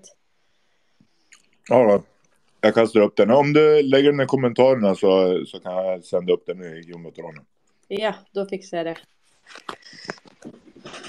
Ja, och eh, sen hade ju jag och eh, Charlie väldigt eh, mycket tankar igår kring eh, vad vi kan göra och hur vi kan positionera oss. Ska vi positionera oss? Så var det någon som skrev då på Youtube att ja, men om vi vet det här så är det klart att vi bunkrar och, och sådär. Och, och det är självklart att man kanske till och med tar ut lite extra för att man hjälper någon som står och inte kan betala. Det, det har vi alla tänkt. Men jag tänker så här, de som utnyttjar den här situationen till att, eh, att tjäna pengar på andra och komma med någon universallösning och, och sälja krypto och så, det, det, känns, det känns väldigt, eh, väldigt fel. Och sen blir det ju väldigt få förunnat som har den här informationen och som har möjligheten att eh, positionera sig och bunkra och så vidare. Så att, och där kommer det ju in då att vi, vi får hjälpa varandra framåt. Så det, det, är självklart att man gör det, men det handlar ju också om att eh, om hela det valutafinansiella systemet faller så finns ju ingenting att handla ändå. Så att om du, då har man inte då har man inte räddat sina pengar för de är inte värda någonting och även om de nu skulle vara värda någonting så finns det ändå ingenting att köpa för att alla har gått i konkurs. Så att, alltså finns det ingen plan så kan vi alla inta den sista måltiden och eh, eller så får vi tugga på våra guldtacker helt enkelt. Hur tänker ni kring det? Eh, planen är väl rätt så själv... Förlåt, Strand, kör för. Nej, jag tänker på eh, att det, det lär ju också hamna i en bipolär konflikt. Eh, det där det kommer att vara de som försöker sko sig och de som försöker hjälpa eh, varandra. Vi har ju sett det några gånger nu så tror jag i alla fall att det kommer också användas för att öka medvetenheten och förståelsen. Men de här bipolära konflikterna, så vare sig det är vax eller ovax eller om det är för eller mot Ukraina, leder oss ju framåt eh, hela tiden och lär oss nya, nya saker. Och, jag tror här finns väl en, en bra grogrund för nästa eh, lärdom om eh, det finansiella systemet och hur det är uppbyggt och eh, eh, så det finns eh, nog en plan bakom det.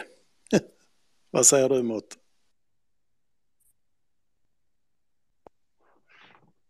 Absolut, det finns en plan och eh, vi, vi ser den i, i BRICS-konstellationen.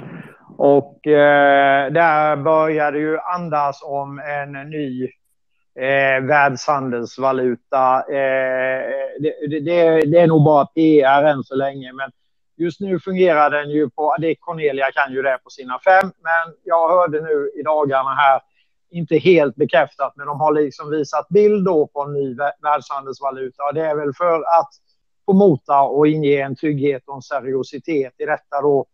Och eh, kineserna är ju jätteviktiga. De har haft lite problem. Xi Jinping, han kämpar på med utrensandet av den djupa staten med näbbar och klor i Kina som är väldigt komplicerat och eh, vi kommer väl få se det här Evergrande göra några krumbukter till innan han kan så att säga landa det och eh, eh vinka hej då till kommunismen precis som ryssarna gjorde för 40 år sedan. Nej! För 30 år sedan. Eh, 33 år sedan närmare bestämt.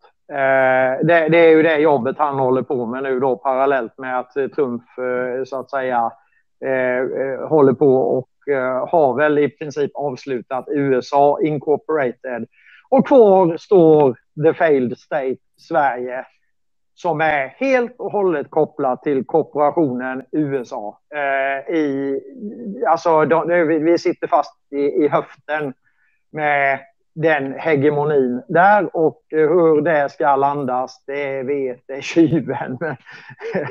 ja, det vågar jag inte uttala mig om. Eh, eh, det ska i alla fall landas på det ena eller på det andra sättet. Och eh, det är BRICS som går före här med ett nytt banksystem. Och tro det eller ej, powered by Ericsson Technology och Swift-systemet som tidigare har körts powered by Ericsson kommer gå i graven. Och nu blir det ny teknologi med samma eh, basis egentligen, eller likvärdig basis, men ändå kommer detta att sitta utanför så att säga. Vi ser, vi ser Wallenbergsfären bli isärplockad här nu. Eh, eh, stilla och lugnt egentligen och eh, det måste man då göra i samband med att man ska skrota ut dollarn och dollarn, de-dollarization som är hela syftet med BRICS-konceptet, den ligger väl eh, från idag räknat 150 dagar max framåt från idag räknat. Om jag, får, jag brukar inte säga tider och sånt där, men, men nu börjar det bli så tydligt så att eh, jag har hela tiden sagt att Biden går samtidigt som dollarn, för det där måste ske synkront och eh, eh, eh, eh Biden-skådespelet börjar väl lida mot sitt slut säga så mycket annat och då kommer dollarn samtidigt där eller ja, strax därpå följande då för då kan man liksom synka ihop de här två händelserna då på något sätt för att ge en förklaringsmodell till eh, den breda allmänheten som inte har en jäkla susning om de här sakerna som vi pratar om. Så, att, eh, så anser jag att det ligger till. Jag vet inte, Cornelia, håller du med? Eh, jag håller 100% med och man kan väl säga så här att eh, det hade om man nu har en telekominfrastruktur som sitter ihop med BIS och det finansiella systemet Swift och det täcker hela, hela jorden. Du har internet som är kopplat till det här. Det vet vi att bara du ska betala, göra betalningar så sitter det ihop med Meta på olika sätt. Vi har, vi har sett det med olika butiker. Va? Så att det är helt omöjligt att egentligen införa, eller om, omöjligt, det är i alla fall onödigt att införa ett nytt finansiellt system och inte ha en brygga från det gamla och kanske till och med återanvända delar av det gamla. Så jag tror att vissa så tar man, man putsar bort skylten Ericsson och sen så delar man upp det här i 184 länder. Så alla har sin egen, men är uppkopplade på olika sätt. Och sen tar då eh, kvantsystemet som de har utvecklat eh, vid. Men det måste vara en brygga. Och det, jag har också frå fått frågan om det här med ISO 2022 och det är ju egentligen bara ett kommunikationsspråk för att överföra information från ett system till ett annat. Så att det, är inte, det är inte själva finansiella systemet, det är bara bryggan för att två system ska kunna kommunicera med varandra och överföra data. Eh, så det är så jag ser på det. Och det här med världsvaluta, det tror ja. jag inte så mycket på, utan jag tror ju snarare att, att du kommer ha en valutakorg eh, och sen kommer du ha till exempel XRP som, som fungerar som brygga mellan, och det, det är väl sex eh, kryptovalutor som är godkända i det nya. Du måste ju ha så att säga en parkeringsplats också för pengar för att det går inte att folk sitter och hamstrar och lagrar eh, kronor eller dollar eh, och så vidare utan du behöver konvertera det till någonting annat under tiden så att du inte får samma problem igen med likviditetsbrist i de lokala valutorna så att säga. Så ser jag på det. Ja, jag, jag håller med till eh, punkt och pricka. Och ironiskt nog då, eller kommunikationsmässigt, optiken här då på Eh, detta är ju bara en fotnot och har ingen betydelse egentligen. Men någon tyckte ju det var jättekul att kalla programspråket man använder för ISO, eh, den transferstandarden, eh, den nya ISO-standarden man ska använda. Då kallar man programspråket för pain, som i smärta då. Och det tycker jag är jag tycker det är fantastiskt roligt att man, eh, man, man, man till och med har lite humor när man håller på med de här grejerna. Så att det, det var bara lite kuriosa. Men, men Eh, det är ändå en snygg uppskyltning av det hela, liksom, tycker jag i alla fall. Men det är bara för att jag kanske har lite sån taskig humor. Men, eh, men eh, oavsett det så kan det vara kul att veta. Vi har massor med händer nu, Cornelia, så att nu, nu, nu, nu stänger jag näbben här och så går vi till händerna, tycker nog. Ja, jag håller med. Vi ska se vad Sven Andreas tycker. Välkommen. Ja, men god dag, god dag. Eh, jo, jag tycker ni... Först vill jag bara säga tack till alla som... Alltså, det är helt fantastiskt att se hur det här har rullat på och utvecklats. Alltså, man blir så jävla glad varje dag man öppnar upp telefonen och börjar sitta och bläddra i olika flöden och eh, se hur alla verkligen anstränger sig och hur många som har grävt. Eh, och, ja, det är så jävla roligt att se. Ja, du, du anstränger dig ganska hårt du också. Om ni inte vet så är det Sven Andreas på Facebook. Eh, han jobbar stenhårt, precis som många, många andra. Ja, ja och sen eh, igår så sprang jag på ett inlägg som jag tyckte var jävligt intressant. Eh, varför väljer de att göra så här och som de har gjort och som de gör? Eh, alltså Wallenbergs då. Vad är det som liksom driver dem till att så mycket hemska saker som de har gjort mot mänskligheten och eh, vad är liksom deras akilleshäl och då var det en chattgrupp som jag är med i som eh, satt och diskuterade lite och då var det en som sa det att eh, deras största önskan det är liksom att bli maskiner, alltså AIs med, med, med deras medvetande. Så att de kan vara helt oberoende av eh, Eh, mat och vatten och grejer. Liksom ingen, de kommer inte behöva utan eh, de är typ rena maskiner och kan förslava mänskligheten på det sättet istället. Uh, jävligt skruvad teori men det, det, tyvärr så känns det inte omöjligt med tanke på hur sjuk i huvudet de här människorna är. Men jag vill bara höra lite vad ni har för tankar om varför de gör det de gör och vad ni tänker om den här AI-grejen och eh, ja. För det är någonting jag funderar på rätt mycket. För det kan ju inte vara bara deras girighet som driver dem liksom. Alltså vad fan. De har redan allt. Exakt. Så, Hej Sven ja. Vad kul att du, att du kommer upp. Jag har, vi har inte pratat så, men jag har delat dina grejer rätt så ofta. Eh, nej men jag, jag tänker så här, det här stämmer ju lite med faktiskt om vi tittar på Klaus Schwab och hans folkbildning där han sitter att vi, vi kommer liksom merge, eh, liksom vara en hybrid mellan människa och maskin. Eh, och i och med att han har suttit och sagt de här sakerna så är det inte omöjligt att det var deras plan på något vis. Jag menar vissa av de här har ju velat ha evigt liv också så att, så att det är verkligen, de är liksom på en lite annan nivå kanske. Så att eh, jag tar inte det för omöjligt faktiskt. Nej, det finns ju eh, Dean Ercones, eh, en författare, skrev en bok som jag läste för många herrans år sedan. Och det, det beskriver precis som du beskriver. Jag såg även en, eh, en tweet på, på X här idag eh, som var en liten eh, sammanfattning om just det. Att det ska vara en en flytande hjärna kopplad till massa elektroder. Och om det är det de har strävat efter, ja, det, det, det får man väl spekulera i. Då. Men eh, det låter lite galet. Men eh, det är kanske lättare att inte tänka själv. Vad tänker du, Anna?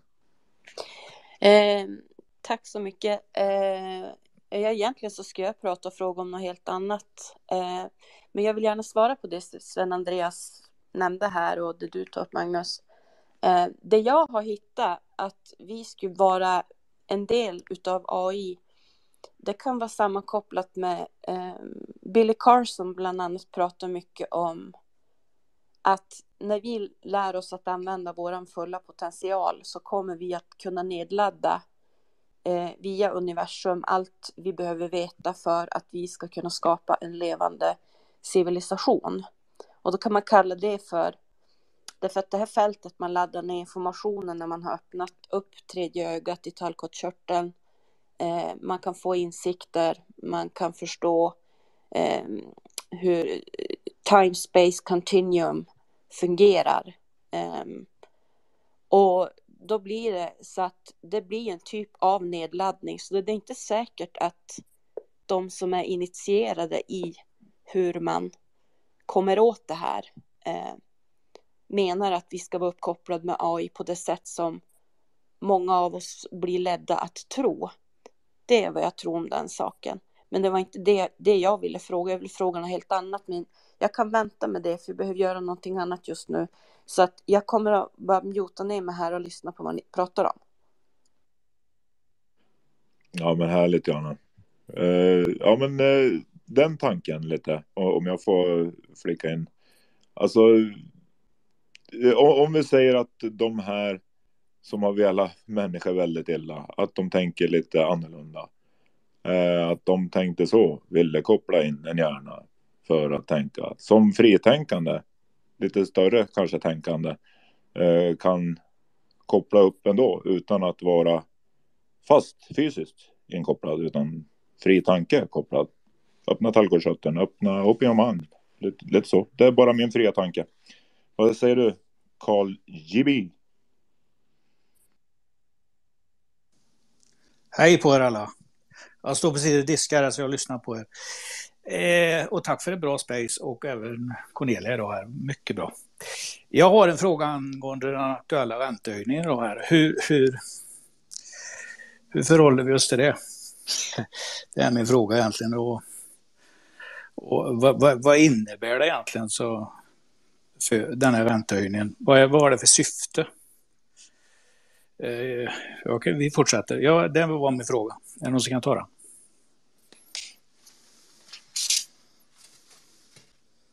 Jag kan börja och sen kan eh, Tom och eh, Gessan ta vid.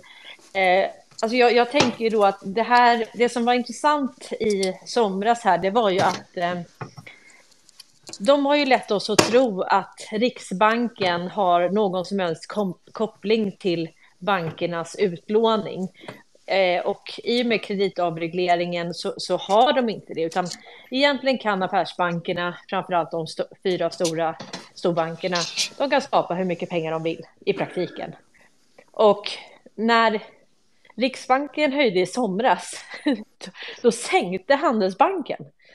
Och det här borde ju verkligen lett till mängder med reaktioner, men de uteblev från mainstream media och det är ändå väldigt konstigt att de har ju skyllt hela tiden på, de har velat ha den här kopplingen eh, mellan Riksbanken och affärsbankerna. Men den finns ju inte, det vet vi att den inte gör.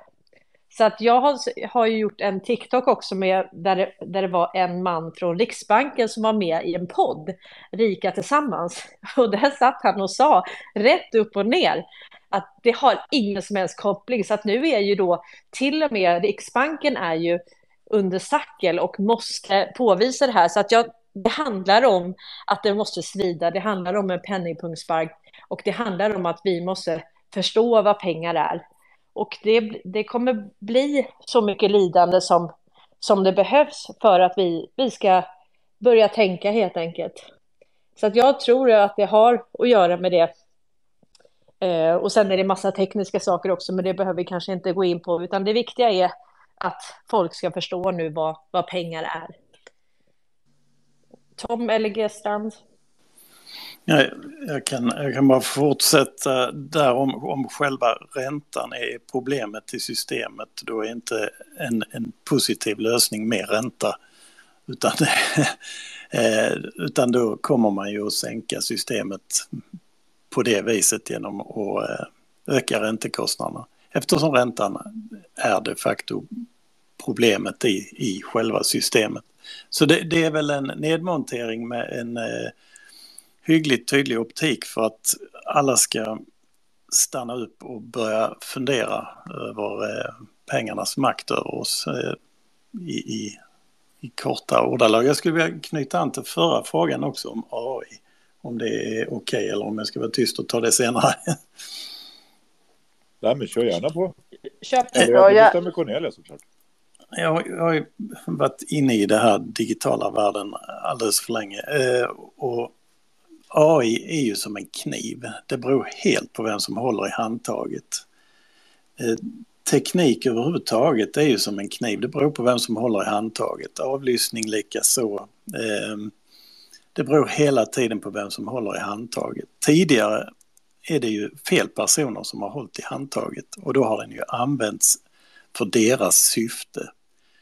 Och vad som driver dem är ju nog eh, det kollektiva medvetandet av egennytta, girighet och de här alla de sakerna som liksom stod på baksidan av eh, alla kristna grundtankar. Eh, så, så eh, har jag åtminstone uppfattat det att det som driver dem är ju en kollektivt medvetande av egennytta, girighet och, och de när ju sig själv och varandra. Det ser man ju i arbetslivet också. De giriga, egennyttiga som, som, eh, som livnar varandra och det är ju det här brytningen sker och när man då tog över handtaget på kniven så att säga och kopplade den till en kvantumdator som var kraftfullare än alla andra. Eh, man får inte missa hur, hur, stort det är. Och jag brukar säga i november 2019 då förstod jag att vi hade vunnit. Och, och det har ju med att göra att inte bara att man tar över Ericsson och, och eh, när folk ringer, vilka de ringer med, utan också samtliga hållhakar, samtlig tidigare information, kopplingar, eh, McAtee-kartor eh, som, som de ha, har skapat. Man tar ju även över det. Eh, så man får ha tungan rätt i mun när man pratar om AI för det, tekniken här är varken ond eller, eller god utan det beror på den kollektiva medvetandet som ligger bakom och håller i handtaget så att säga. Eh, jag vet inte om det klargjorde Eh, så mycket men jag hoppas ni förstår vad jag menar. Ja, men jag tänker mycket på det här med, med hållhakarna för att jag tror ju att man har ju såklart kunnat avlyssna från alla möjliga håll. Men det är ju en sak. Men sen att kunna använda det för att lagföra, ja, då, då får du nog gå by the book så att säga om du inte går militärt och bara säger vi har ett anonymt tips. Eh, så jag tror att det spelas ut både för att kunna använda det, men framför allt för att få med sig opinionen. Opinionen ska nu förstå vad det här är, hur det har använts. Och då får man säga vad man vill om Klaus Schwab, men han har gjort ett hästjobb i att vi ska förstå farorna med det. Och en annan som har gjort det är Elon Musk. Han har suttit och verkligen pratat om farorna med AI. Och det är inte någonting som kommer, utan det är någonting som vi redan har haft. Men vi har inte vetat om det. Så att de som är rädda för framtiden ska snarare tänka att det som utspelas nu, det gör det för att vi ska förstå att det här är det vi redan har haft och vi går ifrån det nu. exponeras det här och det har tagits ner. Så att när det kommer ut i mainstream media så är det klart. Då är tanken bara att vi ska förstå det. Så att det, det är det. Och när vi pratar om New World Order, då har ju Q lärt oss att det är inte New World Order, det är Nazi World Order. Och hur länge har vi haft Nazi World Order? Ja, det har vi haft bra länge, va? för det försvann aldrig efter andra världskriget. Och när Dr. John Halber Hayes sitter och pratar om att man ska ta ner nazistorganisationer, när hon pratar om WHO och, FN och det här, så måste vi, det här är en pusselbit som vi inte får, vi får inte bara tänka nazism som liksom något källarpunkband eller liksom andra världskriget, någonting förlegat, utan det här är de som i bara ny tappning for, har fortsatt styra hela tiden. Så att, eh, intressant. Om jag bara får, får fortsätta där, och jag tror också att eh, jag tycker också att Elon Musk tydliggör det hela. Eh, som jag sa tidigare att det är någon annan som håller i knivens handtag nu och man, man kan se det faktiskt om man, om man tittar riktigt noga att eh, hur det ändras i, i, grupp, i grunden och eh, att, att AI är varken ond eller god men eh, den, att den har en funktion det har den helt klart men eh, det kollektiva medvetandet hos, hos de som håller i, i handtaget det är det som är avgörande. Så är det. Johanna, eh, nu får du chansen. Nu får jag chansen. Har du tid? Jo, men nu var det en riktigt bra segway så jag kan komma in med det där. Eh, både det som Strand och Cornelia pratar om här nu. Eh, när, när, min fråga var så här, nu vart det för rörigt i huvudet. Eh, när det då trillar in över Sverige, eh, när det är ute i mainstream media som du sa Cornelia, eh, det är ju otroligt många som inte litar på det svenska rättssystemet, eh, som är vakna i den bemärkelsen. Men när det här väl faller ner, hur tror ni man har säkrat för att svenskarna alls ska förstå att vilket rättssystem eller vilken förvaltande eh, enhet som ser till att rättssystemet fungerar. Hur ska förtroendet för svensken kunna återställas om än de har grävt rätt på fakta historiskt sett och så vidare och förstå, ja, ja, liksom, det är därför ingenting någonsin verkar lösa sig i samhället. Men hur ska man då kunna presentera en, en domstol eller någon som driver jurisdiktionen och säger att ja, men nu, nu kan ni verkligen få er sak prövad rättvist i en domstol. För ja, men som Tom och Strand vet så pratade vi ju häromdagen om eh, att liksom ni har ju inte haft det här avsnittet om svenska rättssystemet och jag är ju inte ensam, men jag sitter ju och väntar på det. För jag liksom, där har jag laddat mina kanoner och har mycket att delge eh, vad jag har hittat. Men jag är ju mer intresserad av att veta hur kommer det att fungera? Hur ska man återupprätta det förtroendet? Får jag bara flika in en sak där? För, för det jag känner nu som utspelas, eh, och det här är inte riktigt svar på din fråga, utan det överlämnar jag till, eh, till någon annan. Men jag vill bara säga att den kosmetika man hela tiden har kryddat allting med, man har hela tiden lagt på kosmetika, eh, kosmetika och lurat människor egentligen att vi har trott att det varit bättre än det har varit. Och de verktygen känner jag är borta. nu får de inte, de får inte längre bara släta över, utan det är som att allting bara kommer fram helt plötsligt.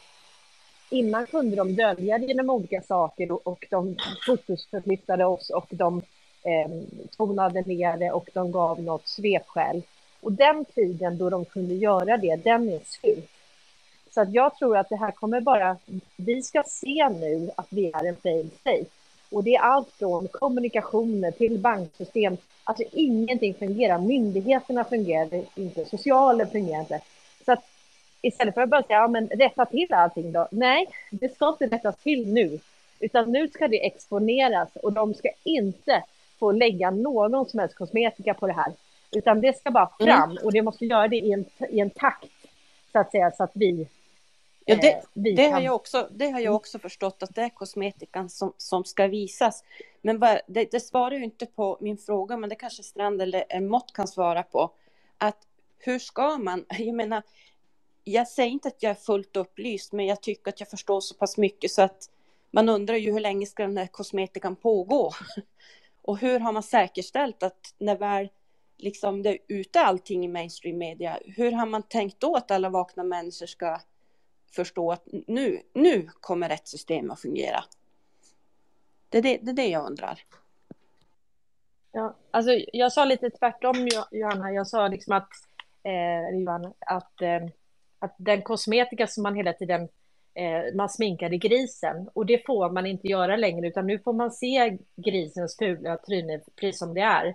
Eh, och jag, jag tror att det kommer det kommer att dröja väldigt länge innan vi har ett rättssystem värt namnet. Men som sagt, man har ju börjat skärpa lagen, man har börjat ta tag i saker Och åtminstone har man ju börjat visa vad det är som inte fungerar. Det kommer ju hela, hela tiden nu.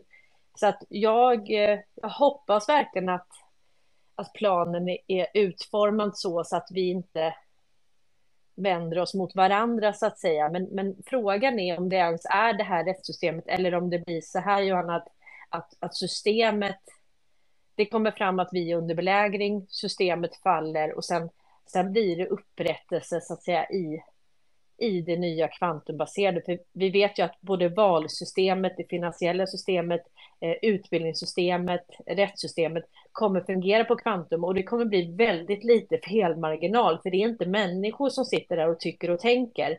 För nu är det mycket ryggdunk, det är mycket lojaliteter. Du har människor som har suttit i 40 år eh, på administrativa poster och de har byggt relationer och ryggdunk och eh, lojalitetsband över åren. Och det här måste ta slut. Och det är lite det, det här Schedule F eh, som Karl pratar om, det är ju det det, det syftar till, att, att kunna rensa ur den här byråkratin. Jag menar, vi har 458 myndigheter. Vad gör de?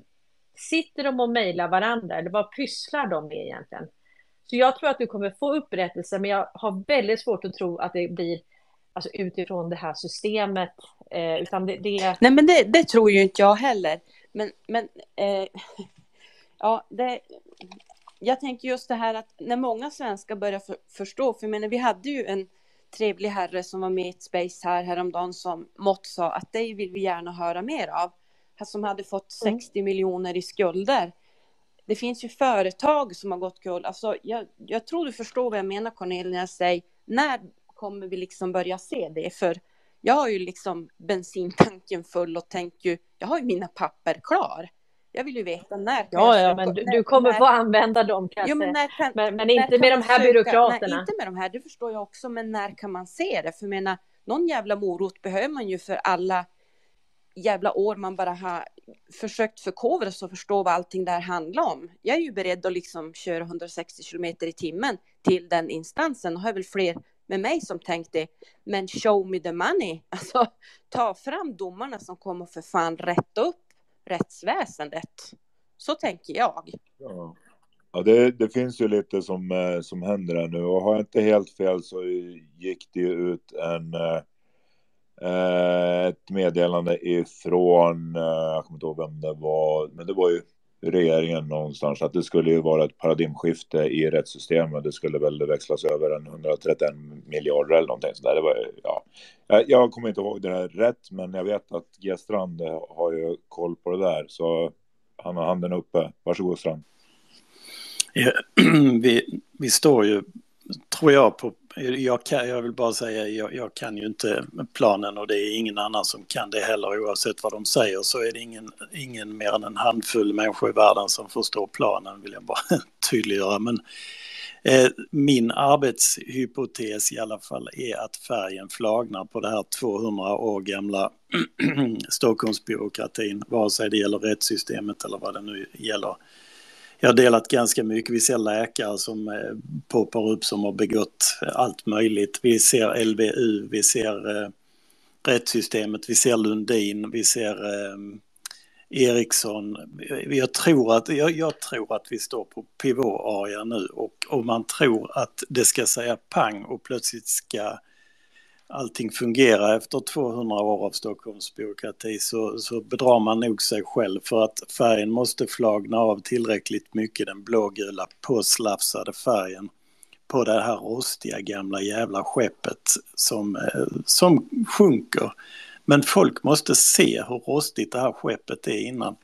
Folk måste se hålen. Men man har ju som Cornelia säger målat över blågul färg hej vad det går för att dölja rosten och dölja hålen och man har spacklat och fuskat ihop bygget eh, för att hålla det flytande ett tag till. Men folk måste se rosten. Folk måste, och det, det tror jag sker just nu när vi ser Lundin, vi ser läkare, vi ser ehm, och det, jag tror det är väldigt viktigt att dela det också, även om vi redan vet det så är det många som inte har förstått hur gisten den här gamla, eh, Axel Oxenstierna-skeppet faktiskt är vid detta laget. Ja, när, när tillräckligt många vet tillräckligt mycket då, då kommer tillräckligt många att se det. Men för att fler ska få vetskap om det här och, och se vad som eh, försiggår både på tv-skärmen och i verkligheten så det är bra att sprida det här vidare och fortsätta göra som vi gör. Eh, sprida informationen och inte vara, vara rädd att eh, säga vad vi tycker och tänker. Och vill ni göra det här så begär gärna ordet nere i vänstra hörnet på mikrofonen där. Eller skriv era frågor i kommentatorsfältet där ni även kan eh, retweeta det här så att fler får möjligheten att bli lite upplyst helt enkelt. När ni väl har eh, fått en talarposition så går ni in på hjärtat till höger där i det lilla fältet som poppar upp så har ni en sån här handikon som Johanna håller upp. Så vi hör vad Johanna säger, sen går vi över till Mått Bombadil.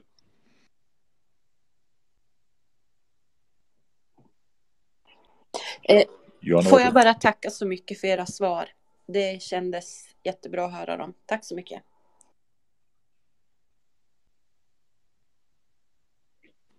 Jag kan faktiskt ge lite glada nyheter där Johanna. Då. Man experimenterar redan med AI i rättssalarna i Sverige, vilket vi är först ute med i världen. Eh, man kör en liten sån testrun då och det sätter ju då rätt god press på våra politiska domstolar, för det är vad de är. De är politiska och ingenting annat. Från början till slut. Eh, eh, man har ju eh, dragit oss vid näsan med konstitutionen som sådan och eh, det hänger ihop med pengasystemet också. Jag menar, det, det, det tog det stå rätt så uppenbart när man väl får kommunicerat med folk och förklarat. Liksom, de flesta börjar fatta lite grann när man säger nej men vi är en penningmonarki här så vi måste ha en kung. Eh, och så har man då lagt lager på lager på lager på löken där. Och eh, det har man ju inte lyckats med att avskaffa monarkin trots att det har varit på, på eh, eh, eh, eh de större partiernas, eh, i alla fall sossarnas eh, om vi nu ska prata lite partipolitik, så har de ju skyltat upp med att monarkin ska avskaffas. Eh, det har liksom varit på deras agenda hela tiden, men man har aldrig gjort någonting åt det då. Och eh, det är för att det kan man helt enkelt inte, inte innanför nuvarande system. Så en tydlig indikator är när monarkin går i graven här, när vi avskaffar den. Då har vi en tydlig indikator på att vårt rättsväsende, det går hand i hand då. 1789 tror jag vi satte in vår högsta domstol eh, samma månad som man gjorde det i USA. Och hur det hänger ihop, det vet jag inte. Det är nog ingen som riktigt vill ta i den pucken, men det är väldigt anmärkningsvärt att man i USA har exakt samma problematik som vi har vad det gäller rättsväsendet. Eh, eh, Vårat är väl om möjligt ännu värre då. Eh, eh, det är ett stort land så de har liksom lite fler människor som strävar emot så det har varit en längre process där och man är ju inte alls lika indoktrinerade som vi är här. Men i grund och botten så är det samma modus operandi som har lagts an i USA också då. Och som sagt var, vi sitter ihop vid höften. Och när monarkin utropas att gå bort, då måste vi också eh, reformera vårt rättsväsende från topp till tå så att säga, eller rätt igenom hela faderullan. Det går inte att ha kvar någonting av det egentligen överhuvudtaget, eh, skulle jag vilja påstå. Eh, väldigt mycket måste bort. Och sen har vi det här med advokater och den här jävla sörjan. Den, vill man ju inte. Den tar vi inte nu för det, då, då blir det bara väldigt långt. Men, men det är min uppfattning av det. Eh, jag tror att Cornelia har säkert några tankar kring det också. Men eh, eh, monarki. AI som övervakar och monarki bort och då går konstitutionen i graven och förhoppningsvis kan vi bli en republik då och då, då måste det här reformeras. Det måste dras om i, i princip från början igen.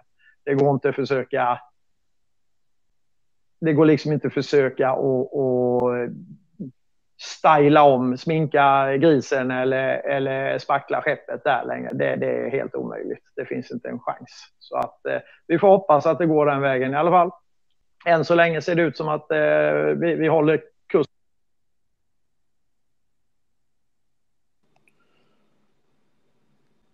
Att vi håller kursen. Ja, du, du klöpp lite där på slutet. Men eh, jo, men det tycker jag väl. Strand, varsågod. Eh, och segway då till eh, abolition som, som Cornelia också pratade om när det nu var häromdagen. Eh, abolition är väl inte troligt att de kan genomföra längre, vilket också är ju ett stort steg i, i rätt riktning. Eh, så som jag ser det. Vad säger du Cornelia? Ja men precis, det där har jag pratat om att eh, jag tror ju verkligen att det har varit en nyckel. Jag tror den har varit en större fråga än vad vi kan tänka oss. Men det vet jag givetvis inte, det är bara... Men den, den är ju bekväm. Du kan använda den i tid och otid för att skylla över ja, korruption och kriminell verksamhet eh, godtyckligt. Och eh, är vi då under belägring så, så kan du inte använda den längre. Och det var väl kanske därför, det var väl det Trump ville säga när det gällde det här med ASAP Rocky då. Och, och det tycker jag, och det var ett sätt att sminka grisen. Så att jag känner att skeppet Svea står där utan byxor nu. Och eh, ja, det är riktigt härligt att se faktiskt. Abolition för de som inte vet, det handlar ju om att förundersökning inte kan inledas. Det vill säga att om du lägger någonting under abolition så kan du inte, du kan aldrig åtala, du kan aldrig ens inleda en förundersökning. Och sen då går det här hand i hand med kungen, troligtvis då, som kan eh, utlysa ovillkorlig tystnadsplikt. Och då blir det i praktiken som när eh, Estonia, man ville täcka över det med betong. Så först har du ett sjunkande skepp, abolition, och sen är det ovillkorlig tystnadsplikt och då har du lagt på betongen och sen är det begravt för alltid. Och jag tror faktiskt till och med att kungen själv har tystnadsplikt. Alltså han måste också glömma det här och få aldrig någonsin prata om det igen. Så att det här är ju ungefär så ruttet det har varit. Och det jag tog upp i en episod där var ju att det står ju till och med att man hade alltså spanska krigsförbrytare 1937 som kom till Sverige och de skyddade man då så ingen kunde åtala dem. Och det känns lite som att det är det Erdogan vi pratar om när vi pratar om PKK och eh, vagga, liksom eh, inkubator för terrorism. Det känns som att det här handlar om abolition. Håller ni med, Strand? Absolut, absolut. Och, och att se, och, och, om, vi då, om vi då förutsätter eller tror eh, och personligen är ganska övertygad om att evolution inte är någon möjlighet längre.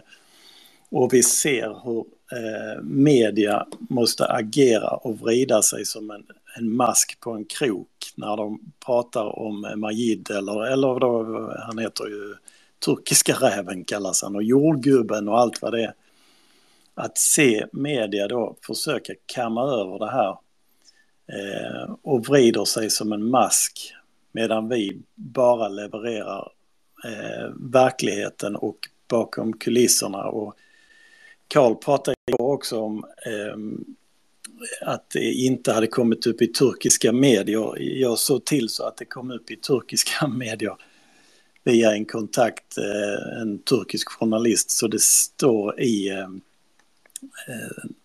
det står i Tamga Turk, heter tidningen. Eh, Boom!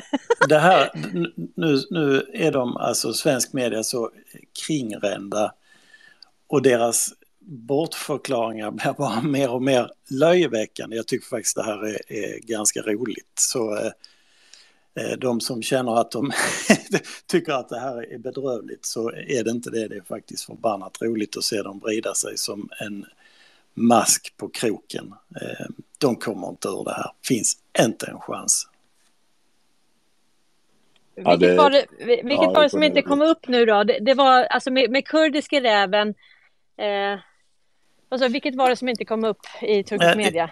Jag delar den. Han dömdes till eh, fyra år och sex månader och eh, sen den andra, han som inte dömdes till, eh, jag kan inte namnet, men han som inte dömdes till utvisning. Det stod i Svenska Dagbladet igår. Ja, det var de fyra som blev friade i, ja precis, ja, ja, ja, ja, ja. Är du med? Ja. Det har jag eh, levererat till eh, min eh, turkiska journalist och han har fått sig mycket till livs och vi får se, vi ska göra någonting tillsammans och han gör vad han ska. fantastiskt bra snack har vi. Så ja, grymt Strand! Det blir roligt att följa den följetongen. Det blir popcornbytter i stora mått. Det, det, spratt, det sprattlas ju lite varstans och det, ja, det här det är ju det är en komedi det här. Det är en underbar film att se. Man skulle kunna jag, kalla dig för djupa stats eh, eh, landsförrädare. Djupa statsförrädare. djupa statslandsförrädare skulle man kunna kalla dig. Om du Sverige är den djupa staten. Jag, jag har svurit vid att eh, Gud ska döma dem, men jag ska se till så att de får träffa honom. du ordnar mötet, där det är grymt. Ja, en svensk tiger, vilken är, är egentligen svensk då? då? G-strand är inte riktigt under den tigerns bemärkelse benämning. Ja, det, är, det är underbart att höra. Är alla krigare som, som för fram det här. Det, det är så skönt att se. Tom Mott eh, bland andra. Men det finns ju fler. Och jag saknar fortfarande någon som vill eh, ifrån Cornelias följare från Youtube komma över hit eh, och dra sitt lilla strå till stacken att vara medvärd. Den möjligheten finns fortfarande. Och vill ni komma upp och tala så gör ni det genom att begära orden nere i vänstra hörnet. Var inte rädd. Eh, vi vill ju föra en liten diskussion här. Så vi får lite mer sköna, goa skratt. Mer krigare. Mått. Ja, jag, jag, blir, eh, jag får nästan lite sådär, eh, du vet, så att håren reser sig på armen när Strand då eh, eh, kör en svensk översättning på eh, den amerikanska marinkårens eh, motto, så att säga. Eh, man eh, arrangerar mötet, så att säga. De dömer aldrig någon, man arrangerar bara mötet med den dömande makten som eh, är eh, Gud då i deras, eh, eh det har de på sin, på sin banderoll. Så att det tycker jag är föredömligt. Det är kanske så man ska tänka. Vi är inte, om vi inte dömer människor utan vi bara ser till att de eh, får eh, så att säga döma sig själva så har man en, en bättre utgångspunkt. De hamnar där de ska hamna i alla fall. Men eh, man får ju hjälpa till och arrangera mötet som Strand säger. Och då, det tycker jag är ett, ett föredömligt tankesätt. Och det är kanske så vi kan ta oss vidare med ett litet, eh, så att säga, med ett litet leende också i detta eh, elände som, eh, som det samtidigt är då. Men jag, jag håller med Strand. Det är nästan, det blir, det är tragiskt, det är tragikomiskt nu hela vägen in i, i, i kaket liksom. Men mm, som sagt var, vi ser svensk media. Vi ser, vi, det var ju liksom, eh, Sveriges Radio fick ju rensa nu, 150 stycken och det var garanterat inte tekniker och städpersonal och sånt utan eh, det var väl ur eh, eh, eh den värsta woke-träsket där som de fick helt enkelt säga det att eh, det går inte att ha kvar er här längre. Ni, ni, ni har gjort det så hopp och lek, chas, chas. Eh, eh, och de hamnar väl ungefär på samma ställe allihopa de där då. Så ni ska se att det kommer startas någon ny sån här tidning, radiokanal, eh, något sånt här riktigt wokigt, eh, äckligt, eh, ursäkta uttrycket, men något riktigt wokigt kommer det blomma upp här då, för då är det ju någon som ska tjäna storkovan på att göra en startup och eh, så får de samtliga de här SR-medarbetarna i på ett bräde med, med eh, statsavlönat igen då, eh, det vill säga via någon eh, Vinnova eller någon annan sån här eh, outgrundlig myndighet då som öser pengar över sina eh, sina gelikar hela tiden. Då, va? Så det, det, är så man finansierar det här. Det, det, är bara rundgång och det är skattepengar som går till det så att säga. Så att, eh, vi, eh, vi har ju världens högsta skattetryck. Vi, har, eh, vi käkar mer lyckopiller än något annat land. Vi har mer skjutningar, mer av allt då och eh, det är ju för att man ska hålla upp. Eh, man har ju kämpat väldigt mycket med att hålla rädslan uppe då så att formateringen inte ska släppa då. Eh, men det där har man nästan gett upp nu. Vi ser, vi ser, eh, vi, vi, ser skiftet komma här nu och det, det känns väl helt okej okay, så att säga. Eh, dock kommer det ta ett tag med det som vi pratar om, rättsväsendet och eh, eh, hur, ska det gå, hur kommer det gå för de privatägda bankerna, Cornelia? Där, nu är vi ju på din bana. Hur kommer det gå för Swedbank, Handelsbanken och... alltså, hörs jag eller? Jag kastas ut ibland. Jag vet ja. inte. Okej, okay, jag hör. Ja, jag, jag, jag såg det. Nej, då, du hörs. Okej, okay, vad bra, bra. De laggar lite här, så jag vet inte om eh, han hinner fixa det eller om han byter enheter. Han brukar ha det det problemet. Okay, det, ja. det lägger lite grann i slutet om. Men kör Cornelia. Ja, jag skulle bara säga att eh, de här storbankerna med, med tanke på att 90 eh, procent av den personalen och lokalkontoren sysslar med att hjälpa folk med bank-id och vi kommer få ett statligt bank-id så kan man säga att vi kan lägga ner deras verksamhet. De ska facilitera övergången och sen är de absolut. Vi kan lika gärna ha medborgarkontor som hjälper folk med eh, det tekniska. Det finns redan kommunhus lite varstans. Man kan göra cirkelgrupper, man kan hjälpa folk med eh, teknologin. Så att vi behöver absolut inte ha några banker som sitter och skär emellan och, och gör miljardvinster i kvartalet på andras bekostnad. Utan de, eh, och det, det är det som är grejen, va? att de här bankerna, de vill ju absolut inte ha CBDC. De vill ju inte att Riksbanken ska ge ut bank-id, valuta, utan de vill ju fortsätta tillhandahålla vårt betalningsmedel. Det säger sig själv. Så när jag ser folk som eh, skriver propaganda mot CBDC, eh, alltså riksbankspengar, så tänker jag precis, alltså de förstår inte ens vems ärenden de springer. Men de springer ju såklart bankernas ärenden, för det är ju bankerna som inte vill bli av med den möjligheten. För att vi har redan till 99 procent en digital valuta. Men det är privata banker som är korrupta, genomkorrupta. Hela deras verksamhet bygger på penningtvätt. De skapar pengar ur luft, det är ett bedrägeri, det är ett brott. Och, och, det är olagligt dessutom. Och sen har vi då de som sitter i CBDC, då kan storebror stänga av oss. Men hallå, vet ni hur många som blir avstängda? Vi har alltså, den som sitter på toppen, har suttit på toppen av det här, det är Wallenberg som också mutar Isis. Det är alltså terrorister, det är krim, ett kriminellt syndikat. Är det dem man vill stötta då genom att prata mot? Eh, för att jag menar, vi kan ju inte bara gå till, vi kan inte byta ut den digitala valutan vi har till 99 procent till 100 procent cash. Då ska vi alla springa runt med sedlar och byta då igen och aldrig kunna göra en banköverföring. Det, känns, det, det kan vi inte gå tillbaka till. Det är väl ingen som vill det. Eller vill vi det så det bestämmer ju vi då. Ja, men då får vi göra det. Det blir väldigt svårt att bedriva någon form av handel och eh, alltså byta då varor och tjänster med varandra, för det är det det handlar om. Alla kan ju inte producera mat, alla kan inte eh, sticka, alla kan inte sy kläder, alla kan inte, utan vi, vi behöver ha ett samhälle där vi kan eh, byta varor och tjänster med varandra och då är det till viss del digitalt och det kommer... Det står ingenstans. Vi har till och med fått se de nya sedlarna så att det kommer inte bli kontantlöst.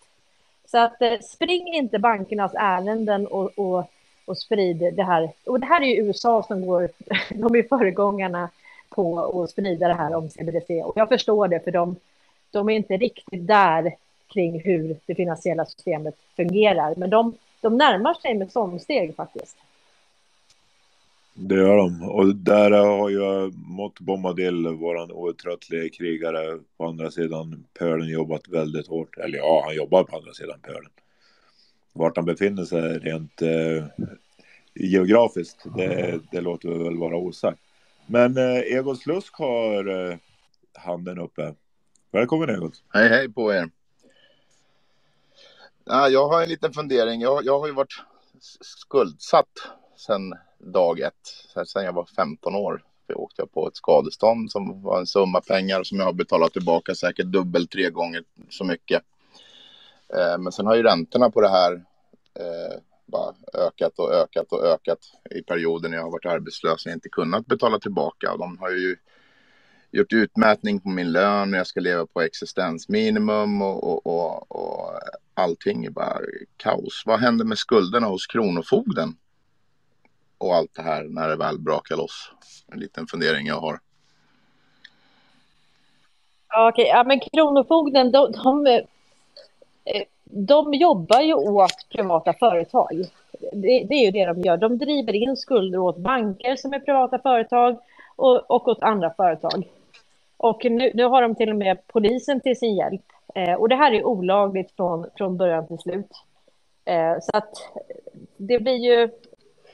Alltså det här med att eh, alla våra pengar är, är skuld, det är någon skuld.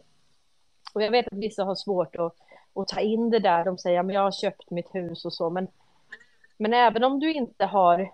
Alltså man kan ju inte ha lån till 100% på ett hus, utan då har man då betalat kanske 15 procent kontant eh, med kontanta medel och sen har man lånat resten.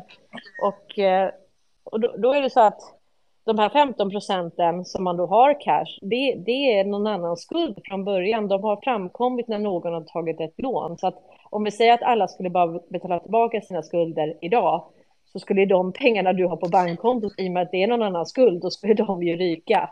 Eh, så man kan säga, vi har ju köpt eh, vi har ju köpt hus och eh, bilar och sånt med, med pengar som egentligen inte är våra. Alltså det, det är någons, det, det är tryckt ur intet.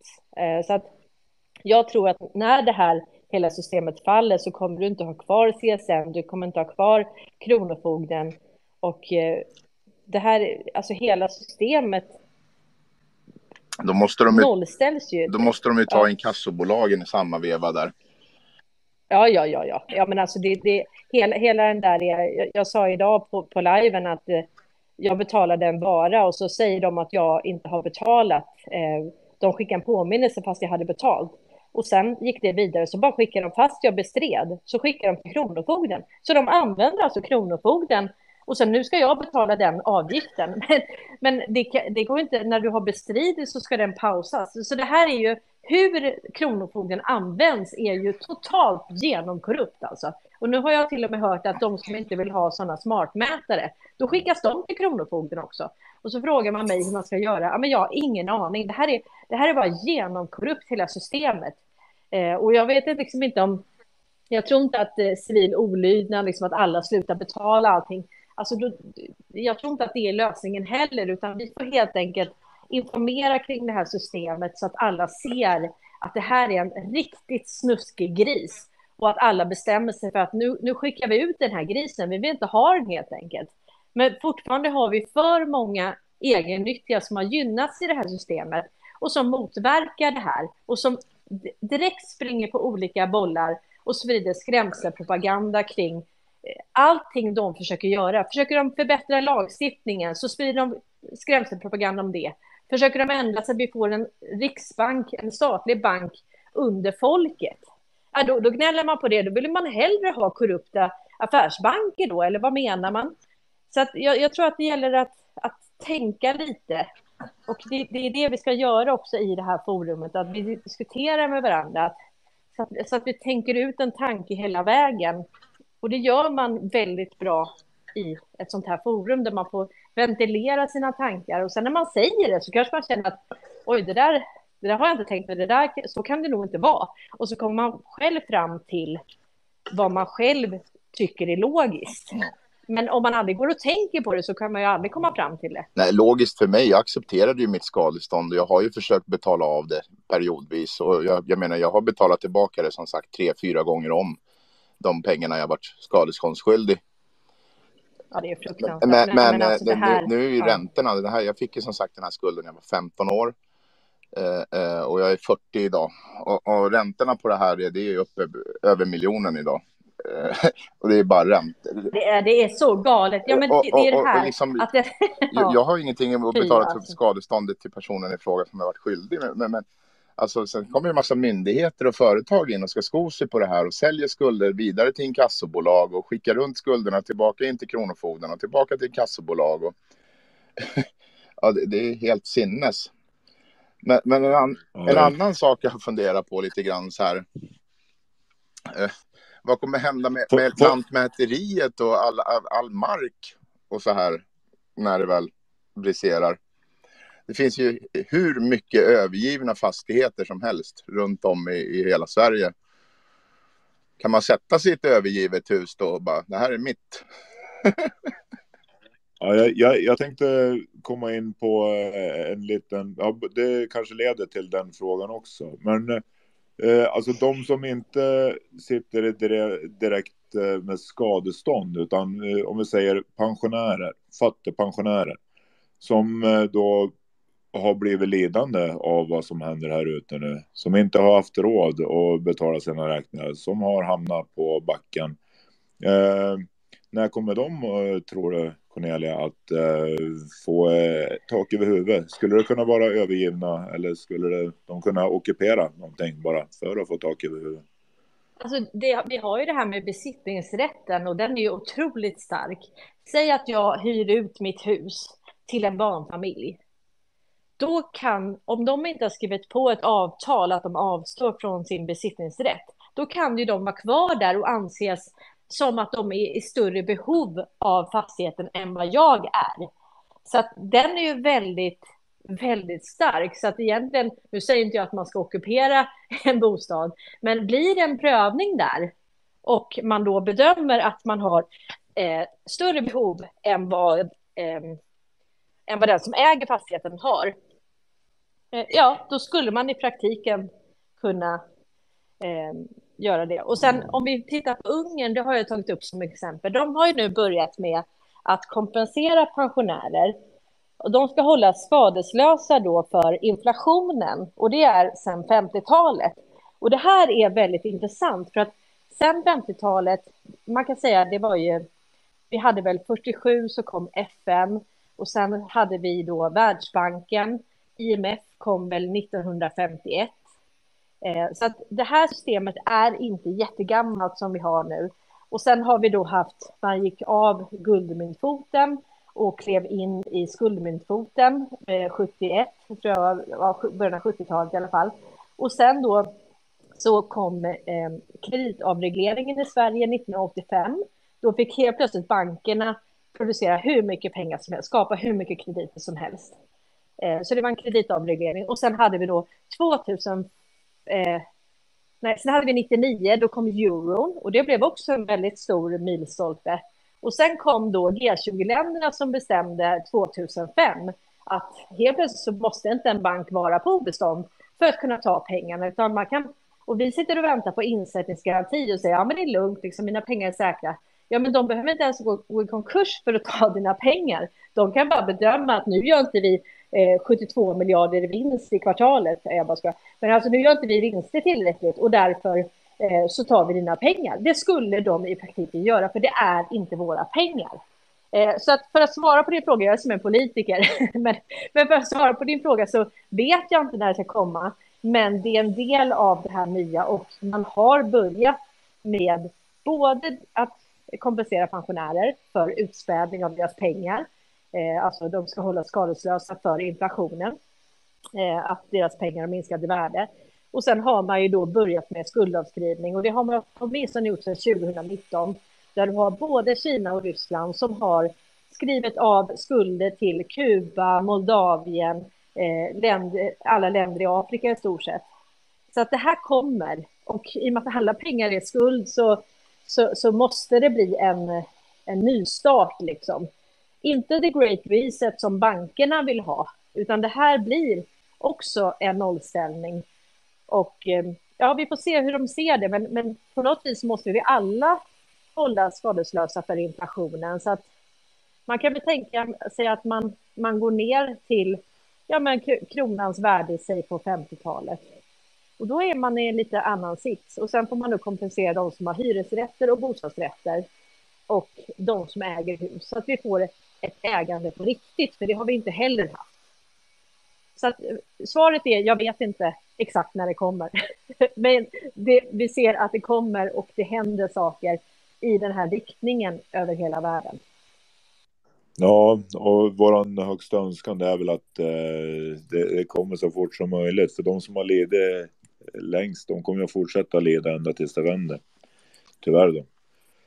Eh, men eh, det finns väl andra tankar om det. Men eh, du har en till fråga eller vill du spinna vidare Egot? Nej, jag vill bara berätta lite om min situation. Jag menar, jag, jag har ju ja, i 25 år fått byta jobb en gång om året. För så fort eh, deklarationen kommer, då ser de att jag har ett jobb. Då kommer Kronofogden och ska göra utmätning på hela min lön. Och jag har varit inneboende någonstans och så ska de, ja, de, de lämnar ju mig då med, från början var det väl 3 8 tror jag, det är existensminimum. Eh, och de ger mig ingen skuldsanering för att det är pågående skulder och, och, och ja, det, det, det, det, är ingen rolig situation liksom. Och, och sen, de har tagit varenda skatteåterbäring jag har fått i hela livet liksom. Eh, och, och jag menar, bara det är flera hundratusen liksom. Så att, ja, ja, plus att jag har försökt betala tillbaka själv. Men det, det är omöjligt att sitta och betala av räntor när de kom, slår på 12 procent så fort man inte kan betala för sig. Liksom. Så det, det, helt sinnes. Eh, Egot, tack så mycket för att du delar med ja. dig. Jag har sagt det lite att vi försöker att inte gå in och prata om, om privata situationer, utan försöker hålla diskussionen. Ja. Men jag tycker att din story eh, var väldigt relevant för att det ledde, in, det ledde oss in på eh, hela den här systemkollapsen som vi lever i. Så tack så mycket för att du delar med dig, för att det här är, det är många som har hamnat i kläm. Alltså det är mycket, många fler som har lidit av det här systemet i det här systemet än de som har gynnats. Det, det får vi aldrig glömma. Ja, jag börjar se ljuset i slutet på tunneln nu. Så tack så mycket. Ja, men härligt. Nej, men vi, vi, vi har varandra också. Det, man måste få ventilera och det här är eh, som sagt, det är och, och det, det, är lite det jag har pratat om de sista dagarna här på liven, liksom att det blir lite så här, om man inte har verkligen förstått baksidan av systemet, det är då man säger så här, ah, investera i det här, kom och köp krypto och så. Men för mig så då är man inte riktigt vaken. Alltså jag, jag, blir, jag blir så illa berörd, för då har du alla de här som inte kan positionera sig. Och då är, kan man säga, det de promotar är nästan värre än det vi har på vissa, alltså på visst sätt. I alla fall människosynen, så att säga. Du, du har ju ingen som helst medkänsla med de som knappt kan betala sina liksom, räkningar för el och mat och husrum. Alltså det mest, det mest, det mest basala. Att kunna ha ett tak över huvudet. Alltså jag säger ibland att slavar har det bättre. De har ju i alla fall mat och husrum. Och det har inte alla i det här systemet. Så är det bara. Så är det bara. Och det, ja, det är beklagligt. Nej. Vi har många hemlösa. Ja, Mått, varsågod. Ja, ja vi, jag, jag, hoppas att jag har fått ordning på eh, lagget nu här. Eh, jätteviktigt eh, till alla som hänger här och lyssnar. Eh, hela det, det så kallat offentliga systemet är alltså kommersiellt. Vi kan ta ett exempel eh, som vi fick här av eh, eh Egot. Eh, det är ett lysande exempel på kommersialiseringen, alltså då den här ständiga skuldsättningen. Det är detta som man arbetar utefter eh, i samtliga eh, offentliga, i rättsväsendet, i polisen, i socialen, med ungdomarna, LVU, vi pratade ju om det. Det här är alltså business, business, business och det är någon längst upp i kedjan som heter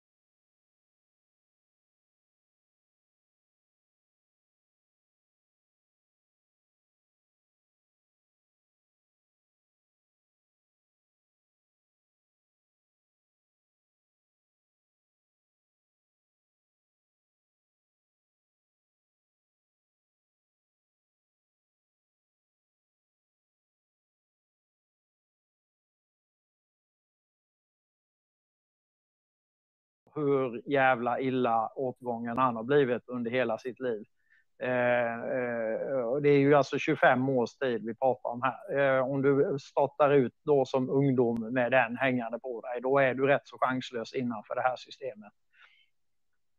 Och det, det, är hemskt att höra det, men det är också ett väldigt tydligt exempel. Så jag hoppas att vi allihopa kan ta åt oss av, av, av det exemplet så att vi kan försöka förstå att så här kan vi inte hålla på. Och det är ju det vi närmar oss nu, att vi inte ska hålla på på det viset överallt eh, samtidigt. Alltså det här, eh, det här tåget går ju eh, i, i, i en hisklig fart eh, runt om i hela världen nu och eh, vi får väl eh, vi får dra vårt strå till stacken och eh, försöka på bästa möjliga sätt att förmedla de här kunskaperna, den insikten som vi har här som ett kollektiv och eh, till vår omgivning så gott vi kan. Det är det vi kan göra eh, eftersom det är andra som kommer att ske. Det är redan planerat för länge sedan. Vi kan inte, vi kan inte påverka det mer än, än tidsramarna skulle jag vilja säga. Att det,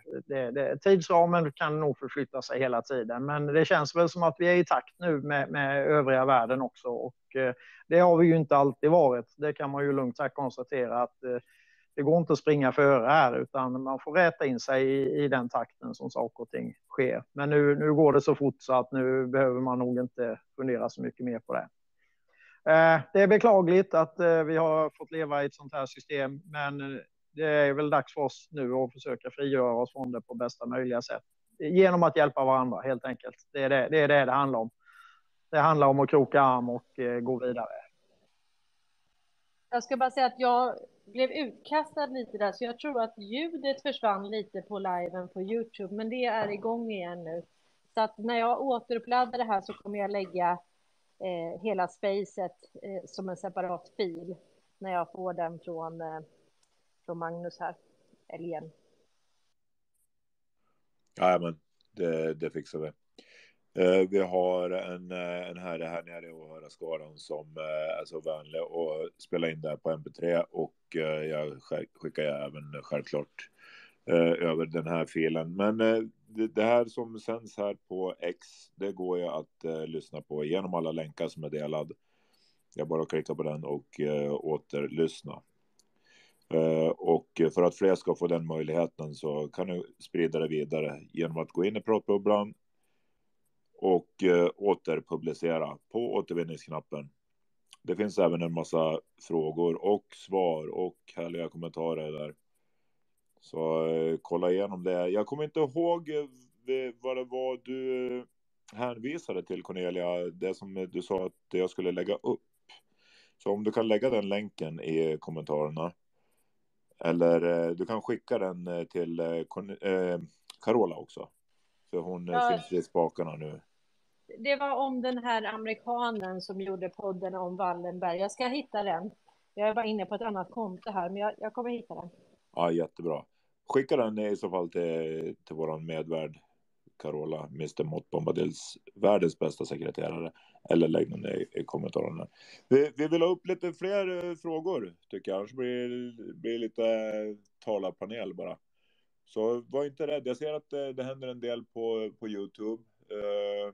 Men det får Cornelia välja och vraka och välja där ibland. Men det, det händer en hel del där. Massa tummar upp. Eh, några frågor, några svar. Men eh, begär gärna ordet nere i vänstra hörnet. Inga frågor är för dumma här, utan eh, vi har, nu är läge att ställa, ställa vilka frågor som helst och få ganska bra svar. Det har vi fått hittills. Cornelia, hur vill du eh, gå vidare? Vill du skicka över ordet till Strand för lite nyhetsuppdatering eller hur känner du? Ordet är ditt. Det tycker jag hade varit jättebra. Hörs jag?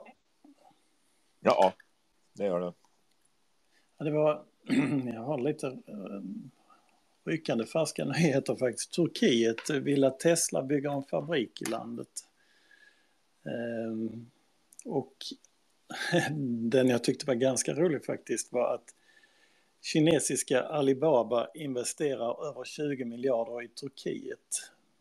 Um, och det var så att techjätten ska ha ställt ut ett löfte till Turkiets president Erdogan. Den tyckte jag var förbannat rolig. Men nu är jag ju som jag är. Eh, eh, vad har mer hänt här det senaste? Jag har varit eh, lite upptagen där ett litet tag så vi får väl... Eh, vi hade ju den här Marine Corps eh, F35, fortsättningen på den då. ja. Att... Eh, har, har han landat tror du, piloten? Eller, ja, jag, tror inte, alltså, jag tror inte det är så jävla mycket grejen. Därför att eh, precis som jag eh, travesterar Semper Fidelis så är detta ju eh, Marine Corps som har blivit... Eh, de får inte lov att flyga. Och Marine Corps är ju då eh, kopplad till presidenten, var Jefferson och eh, the president's own det är presidentens militär och de är alltså då under två dagar blev de, eh, vad heter det på svenska, grounded. Eh, de får vara på, på backen. Jag vet inte vad det heter på svenska faktiskt. Flygförbud. Flygförbud, tack. eh, och det, det kan ju vara... Ehm, eh, herr Strand. Mm. Herr Strand, får jag, Får jag, chippa, får jag chippa in en liten här? Du, du, ja, jag bara tänkte för, för eh, lyssnarnas skull. Alibaba då, det är alltså Jack Ma. Josef Tsai, det är en techjätte eh, i Kina. Och det är alltså Investor då. Till och med Börje Ekholm sitter med då i styrelsen där. Och de ligger bakom väldigt mycket av det här med ja, det så kallade social credit-systemet och så som vi redan har här, men man blåser upp det i Kina för att visa på det då. Det är en av de sakerna som, som eh, Xi Jinping har eh, och jobbar med där då och försöka få ordning på den biten då. Det är därför vi hör det hela tiden. Man pekar på Kina hela tiden där. Men Alibaba är alltså då, eh, eh, de har massa förgreningar, men det är i princip är det eh, eh Investor kontrollerat kan man väl säga. Josef Tsai kommer då direkt ifrån Sullivan and Cromwell, det vill säga dulsarnas eh, eh, eh, eh nefarious, nu tappar jag orden också, eh, eh, vidrig advokatbyrå på riktigt. En riktig neokon, Warhawk, kolonialiseringsadvokatbyrå, koloniseringsadvokatbyrå, den värsta av de värsta Eh, där kommer han ifrån och sen så sitter han i Investor ett tag då och sen så eh, ramlar han ner till, till Kina och sen helt plötsligt så uppstår då bara som av en slump så kommer Jack Ma som en raket på Nasdaq. Eh, och, och, ja, så där skapar man då en excentrisk biljard, en av de här kinesiska biljardärerna. Det finns flest biljardärer i dollar räknat i Kina jämfört med något annat land. Du kommer inte med på topp 100-listan om du inte är över 5 biljoner eh, dollar då, 5 miljarder dollar i våra på, på svenska då. Eh, då kommer du knappt med på topp 100-listan. Så där kan man ju ta och fundera på var kommer allihopa de här ifrån och den oligarkin som uppstår där då. Eh, jag påstår ju att eh, det är direkt nedärvt från opiumtiden, det vill säga eh, mitten av 1800-talet och framåt när Sverige, England och Norge körde opium. Lite amerikaner inblandade med återigen då Cromwell och Sullivan i, i, i hangarounds där, men Russell och company då som är direkt kopplat då mot några av Wallenbergs eh, favoritpresidenter. Eh, de har fått Nobelpris allihopa, tror jag. eh, från Obama och bakåt. Eh, Tänk vad duktiga de måste vara då. ja, ja. hela där, va.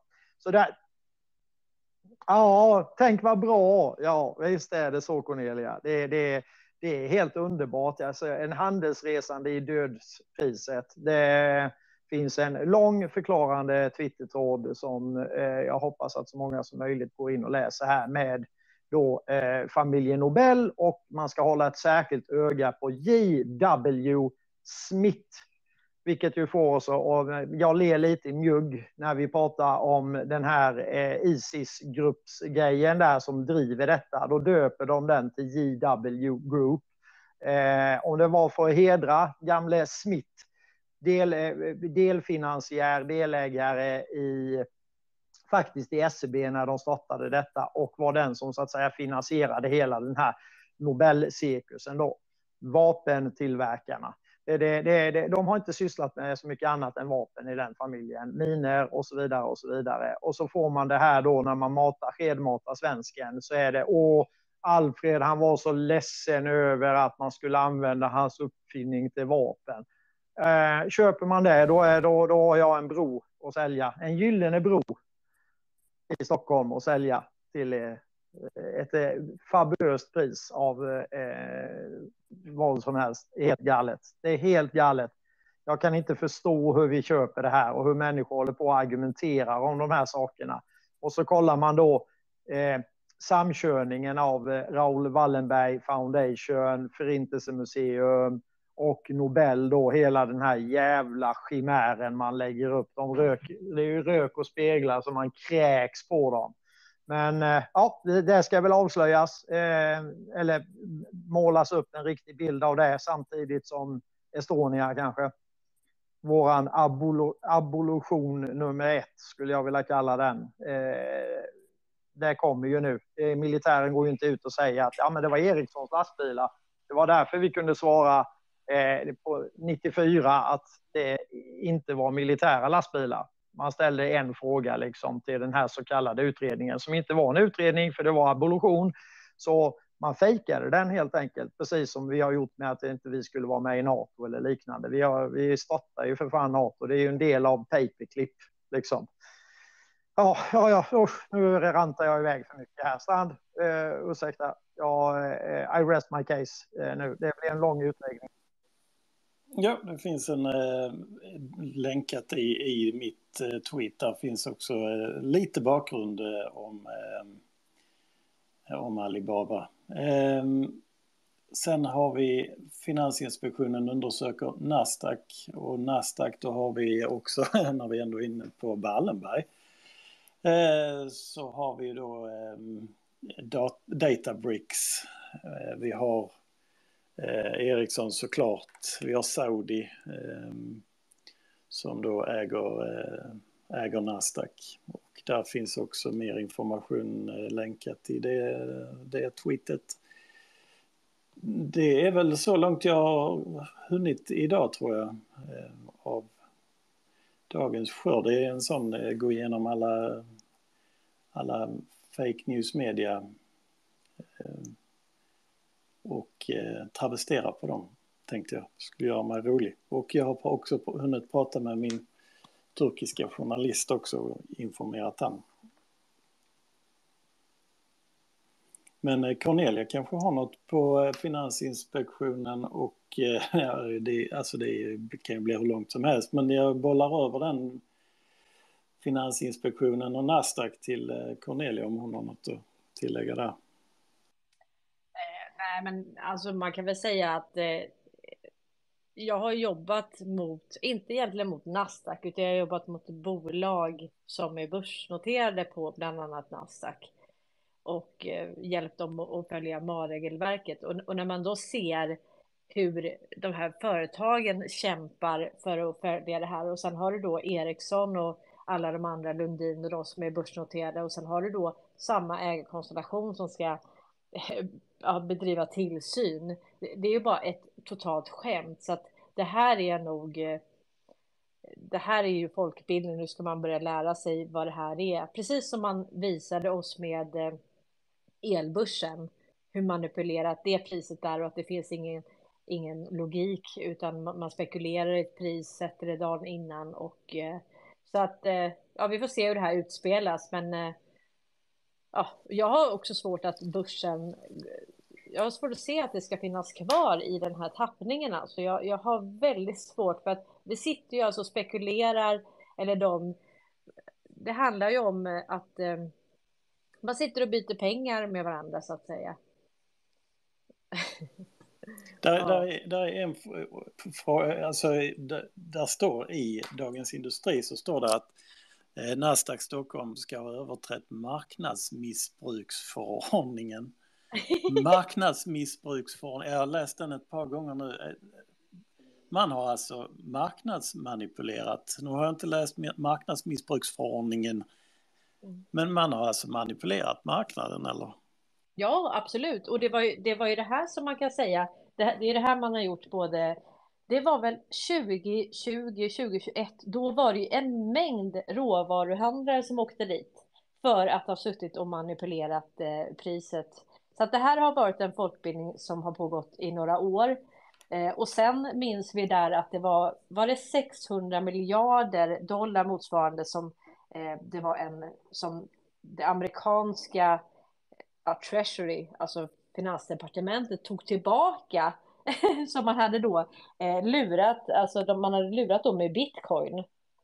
Och sen så gick de bara in och plockade tillbaka de pengarna helt enkelt. Jag tror att det var 600 miljarder. Och, och det är ju då, och det var i den vevan då alla satt och sa att ja men det här är, det här är så hemligt och, och man, det finns ingen tillsyn. Det här är ett parallellt system som ska slå ut eh, fiat-dollar, eh, pe pengarna då.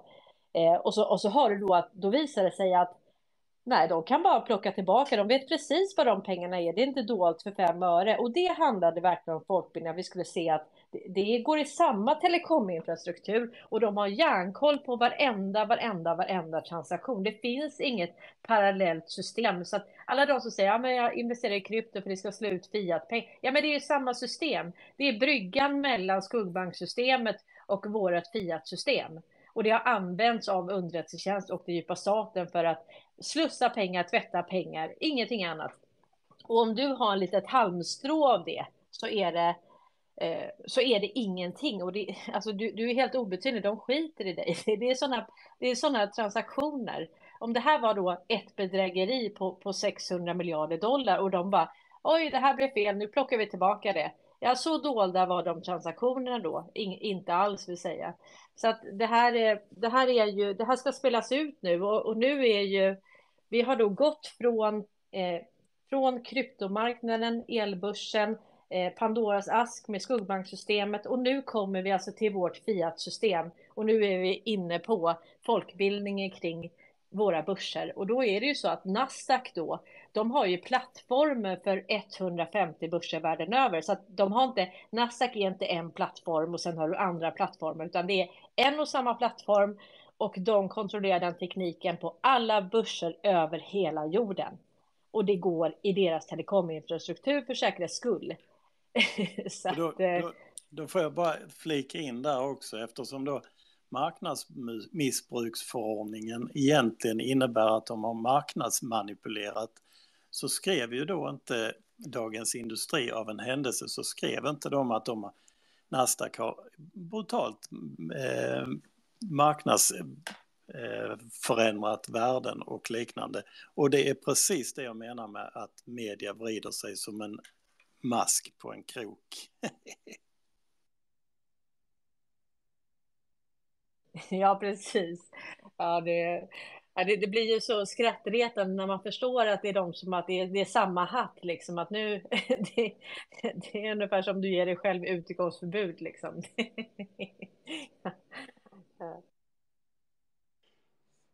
Ja, om ni vill läsa mer om det här med Alibaba. Eh, det är ursprunget Alibaba är väl lite lustigt det också kommer en sagosamling. Tusen och en natt. Eh, Alibaba och de 40 rövarna. Men eh, det, det, finns uppe i jumbotronen. Eh, där finns, jag hade lite problem. Jag försökte lägga ut eh, kvällens eh, historiespace också. Som går av stapeln 1917. Alltså 17 minuter över Q. Nej, Q minuter över 7. Så var det. Förlåt. Snurrigt nu. 1917 ikväll. Q7, ja. ja, exakt. Eh, det kommer Carola Carola lägga upp eh, lite snyggare än vad jag gjorde. Men eh, länken ligger där om du swipar vänster. Så den första som ligger där uppe. Där finns den länken. Carola kommer göra lite snyggare. Men eh, Alibaba där då, som sagt, som G-strand snackar om, finns där uppe. Det finns även i kommentatorsfältet om jag inte har helt fel. Eh, det finns eh, även eh, länken om Turkiet, Tesla, som Strand snackade om. Jodå, allt ligger där. Jättebra information. Där kan man gräva vidare hur länge man vill. Men det, det är lite intressant där. Det är, är, det du som har satt det här i rullning, Strand, med, med ditt överbollande till Turkiet? Det, det verkar ju var synergi överallt. Ja, det kan vi spekulera i. Eh, Cornelia, vad, vad, säger du? Eh, vi har hållit på till 14.42 mordorisk tid nu. Eh, det är ditt space. Eh, vill du köra? Ja, precis. Jag tänker om det är någon mer som vill säga någonting eh, eh, så hade det varit jättetrevligt att få höra era tankar. Annars skulle jag vilja se om Anna Iversen har lite tid, kanske bara introducera dig själv för den här publiken. Du var ju med där i eh, och eh, faktiskt, faktiskt faciliterade intervjun som vi hade med Mark Atwood och ehm, du bor i London och har hjälpt till med översättningen också av eh, Swedish Kings of Cyberwar. Så att du får jättegärna introducera dig själv, Anna. From London. Jag har delat över en mikrofon där och här kommer Det kan jag göra. Jag sitter här och halvlyssnar för jag översätter The Greatest Show on Earth samtidigt. Så det är därför jag varit lite tyst, men det är trevligt att höra er i bakgrunden. Ja, välkommen. Tack så mycket. Så jag tycker det är väldigt roligt att uh, det finns en sån aktiv grupp uh, och jag tycker det i, i Sverige och jag tycker att det är väldigt, väldigt bra att de här Twitter Spaces uh, fungerar så bra, eller X som det heter. Det är ju ett fantastiskt sätt att få ihop en, en, grupp människor och att man kan bara sitta här och utbyta tankar och idéer. För det finns ju så otroligt mycket att tänka på just nu.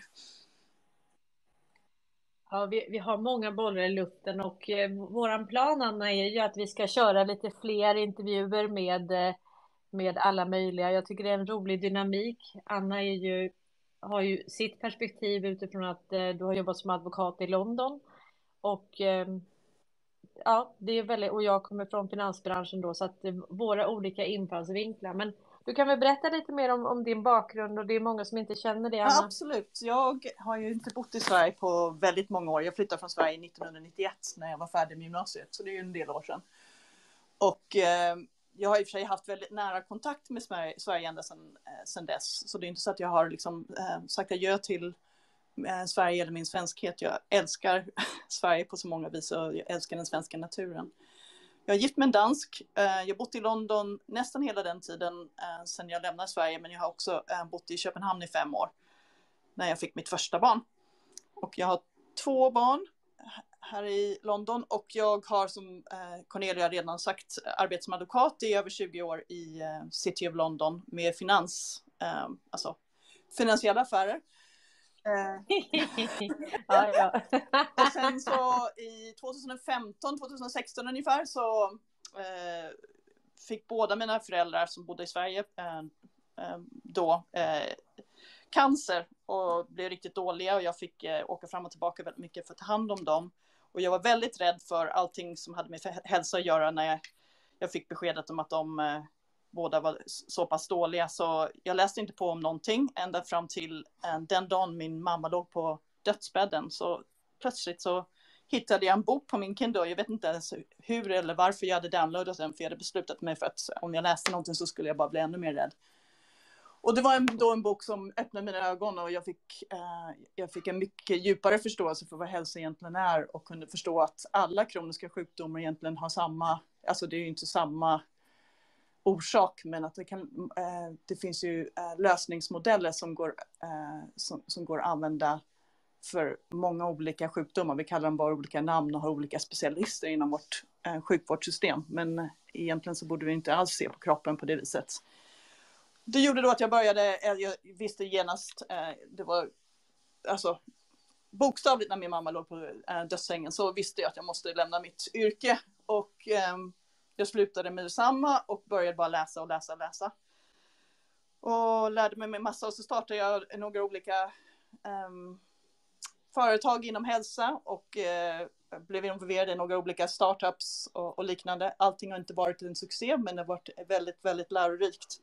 Och det var som en väldigt bra um, början till min förståelse för hur fel allting var när vi bör, eh, såg vad som spelade ut sig då i 2020 och med eh, den, de galenskaperna som eh, hände. Så jag började ju bara titta på datan först eh, och fattade inte varför man inte släppte de här restriktionerna när de skulle ha släppt det. För att det fanns ju ingenting som backade upp vad alla världens regeringar verkade göra.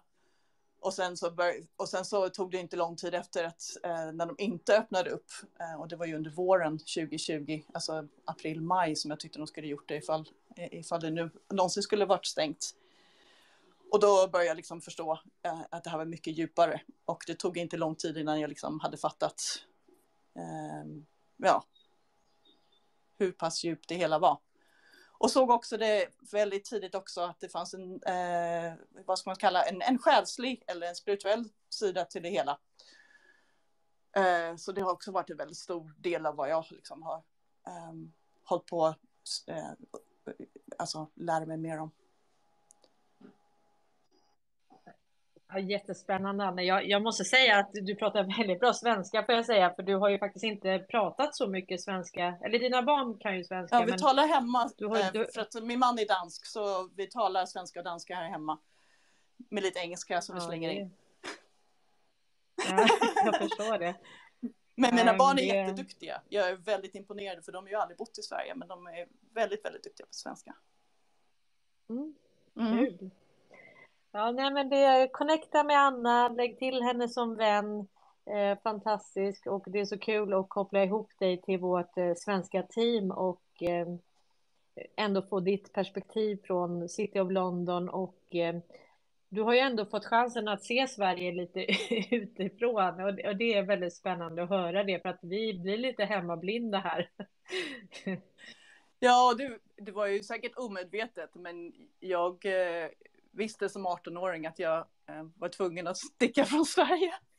För att jag tyckte bara att eh, jag har ju jättebra vänner som är fortfarande kvar från den tiden, men det kändes att eh, man kunde inte riktigt diskutera allting, även om alla säger att man är så öppen och att man kan disk diskutera vad som helst, så upptäckte jag ju eh, även då att eh, man måste ju hålla sig inom ramarna, annars kan man inte diskutera det, eller man måste ju hålla med varandra.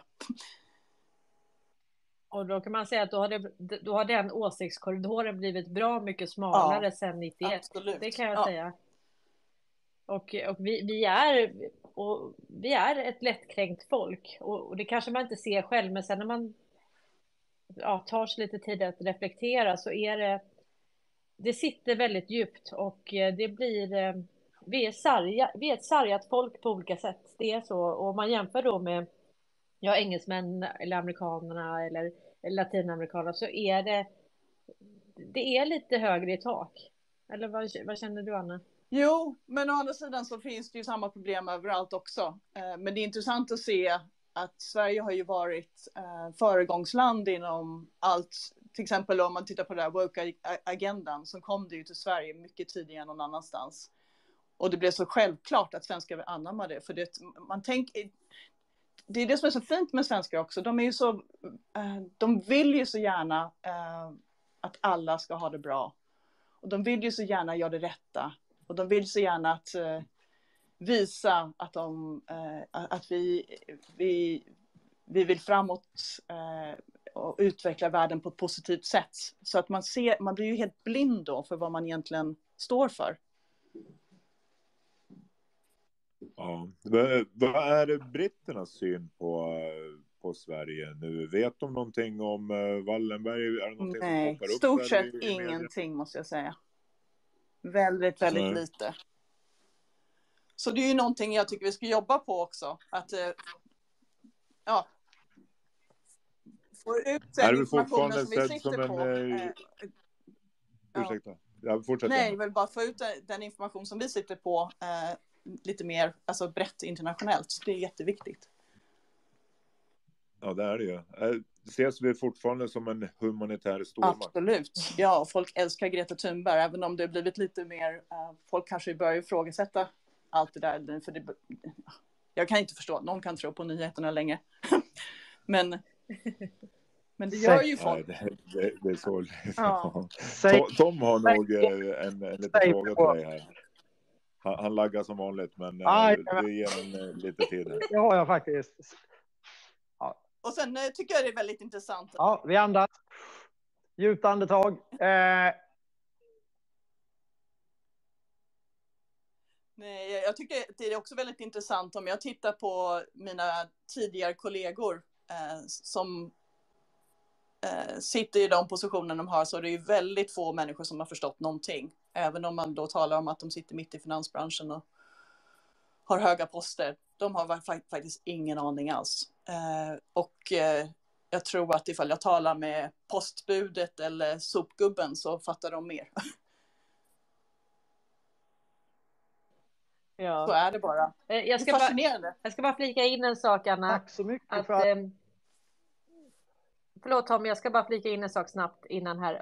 Anna Iversson har ju också gjort ett, eh, ett paper om det finansiella systemet på engelska. Ja. Det skulle vi egentligen översätta, Anna, till, Ja, det till svenska. För du har ju lagt ner ett, du har lagt ner ett hästjobb med eh, att förklara hur det befintliga finansiella systemet hur många sidor har du skrivit? 17 sidor. Men så Mm. det förklarar, det det förklarar är- först det, det existerande systemet men sen eh, försöker du också förklara hur vi ser ett nytt system och vad det möjligtvis skulle kunna vara. Exakt, det är riktigt spännande. Vi ska få ut det också. Ja. Och det finns alltså på engelska nu och jag, jag har ehm, försökt att hålla en relativt neutral ton så att det ska kunna appellera till en, alltså ganska brett så att inte folk bara tycker att det är fullt av konspiration. Men det finns ju såklart. Alltså det måste ju ha något innehåll för annars blir det alldeles för, så blir det alldeles för tomt. Så, ehm, så jag tror att jag har hittat en bra balans. Så jag har ju då citat ehm, och referenser med det så att folk kan slå upp själva. Underbart. Det, det ser vi fram emot. Ja. Eh, Ska vi, ska vi försöka ge Tom lite andrum här och han- laggar som sagt i en fem sekunder ungefär så han tar väl sats Ja, ungefär ja, nu. ja, ja.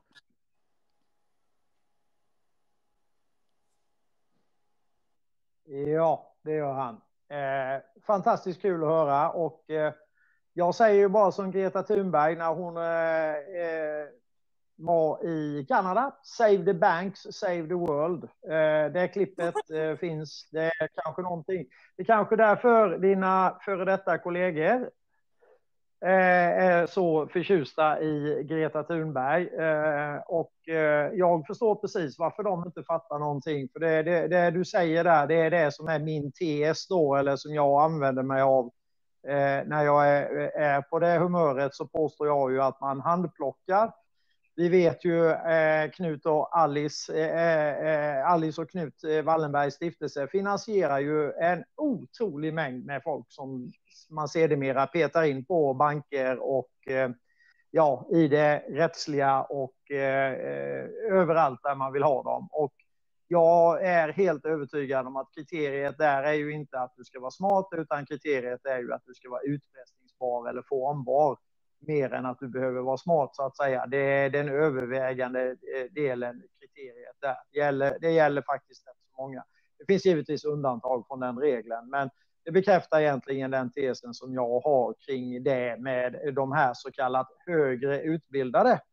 Eh, där jag eh, allt som oftast eh, blir eh, tämligen eh, övertygad från gång till gång över att det där handlar absolut inte om att man ska ha någon kunskap eller liknande. Jag har träffat på alla möjliga under mina långa år här i, i, i Falukorvien och även eh, eh, varit runt en hel del med, med arbetsrelaterat och liknande. Och eh, då ser man ju eh, faktiskt detta rätt så tydligt. Eh, tyvärr är det ju på det viset. Och så där är det ju göra om och göra rätt eh, på den punkten också. Så, hur kändes det? Jag måste fråga dig. Nu pratar jag ju mycket om admiralitetslag eller maritimlag och det här. Det här känner ju du då till som är utbildad i England till advokat och du känner väl även till common law på dina fem fingrar. Mm.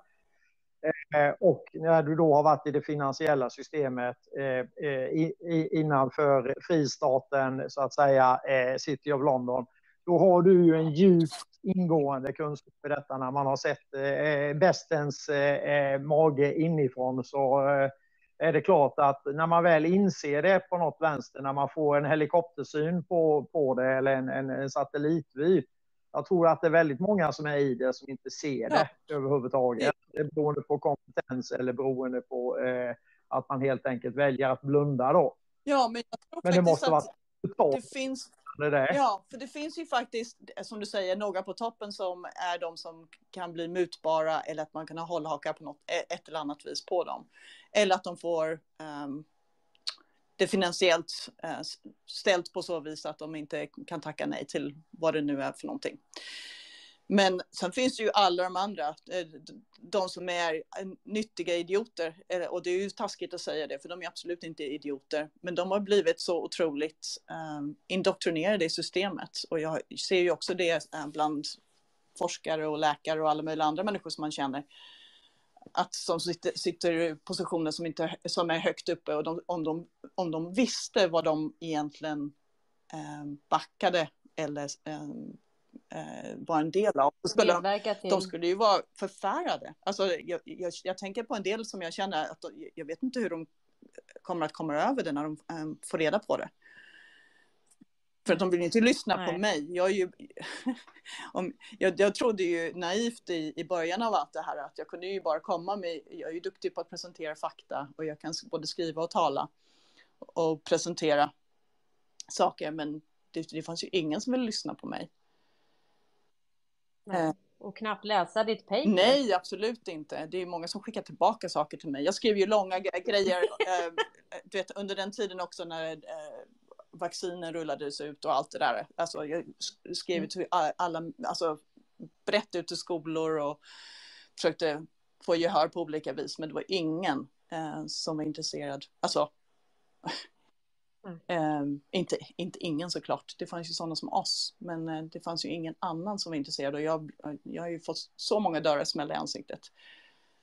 Mm. Av folk som jag, jag trodde jag, eh, folk som jag trodde hade respekt för mig, men tydligen så. Men det kanske blir ungefär samma reaktion som, som när jag förstod vad jag hade medverkat till. Jag grät och spydde i tre månader och jag, jag tog det jättehårt. Och jag kan tänka mig att du Anna också när dina, både dina föräldrar dog i cancer där, att det blir, det blir som ett, eh, man går igenom som ett trauma och sen på något vis kommer man ut på andra sidan och då, då kan man inte annat. Du sa upp dig, jag sa upp mig och många här har sagt upp sig. Man kan, man kan inte fortsätta medverka när man vet. Nej. När man vet så vet man. Ja, liksom. absolut. Mm. Så är det ju och därför så känner jag att jag, eh, alltså jag, jag är bara så tacksam för att jag har haft den möjligheten att jag inte har suttit på ett kontor och jobbat 12 timmar om dygnet och hållit på med mina mm. grejer för då hade jag inte fattat det här antagligen.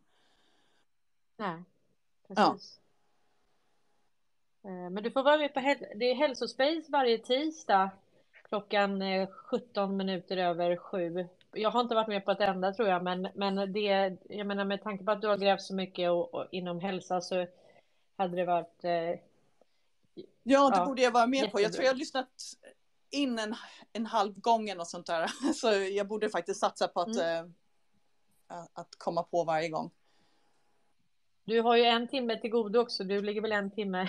så du, du kan ju hålla på till sent. Du vet Tom när han kommer igång så är det liksom, det är sju timmars space. Eller hur Tom?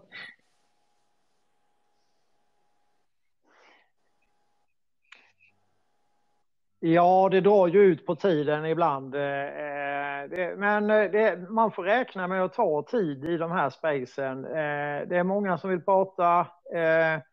Förhoppningsvis, vi, vi är ju lite svenska och lite blyga på att komma upp och prata. Men samtidigt då när man säger som, som Älgen brukar göra, nej men nu rundar vi av och sådär. Eller vad tycker ni? Och så kommer det tummar och, och mess åt, åt andra hållet. Nej, så att man lyssnar väl på som, som, som en eh, som en lång radiosändning. Eh, vi kastar ut våra tankar i eten eh, på ett sätt som gör att det är många som lyssnar och det är många som lyssnar efteråt också.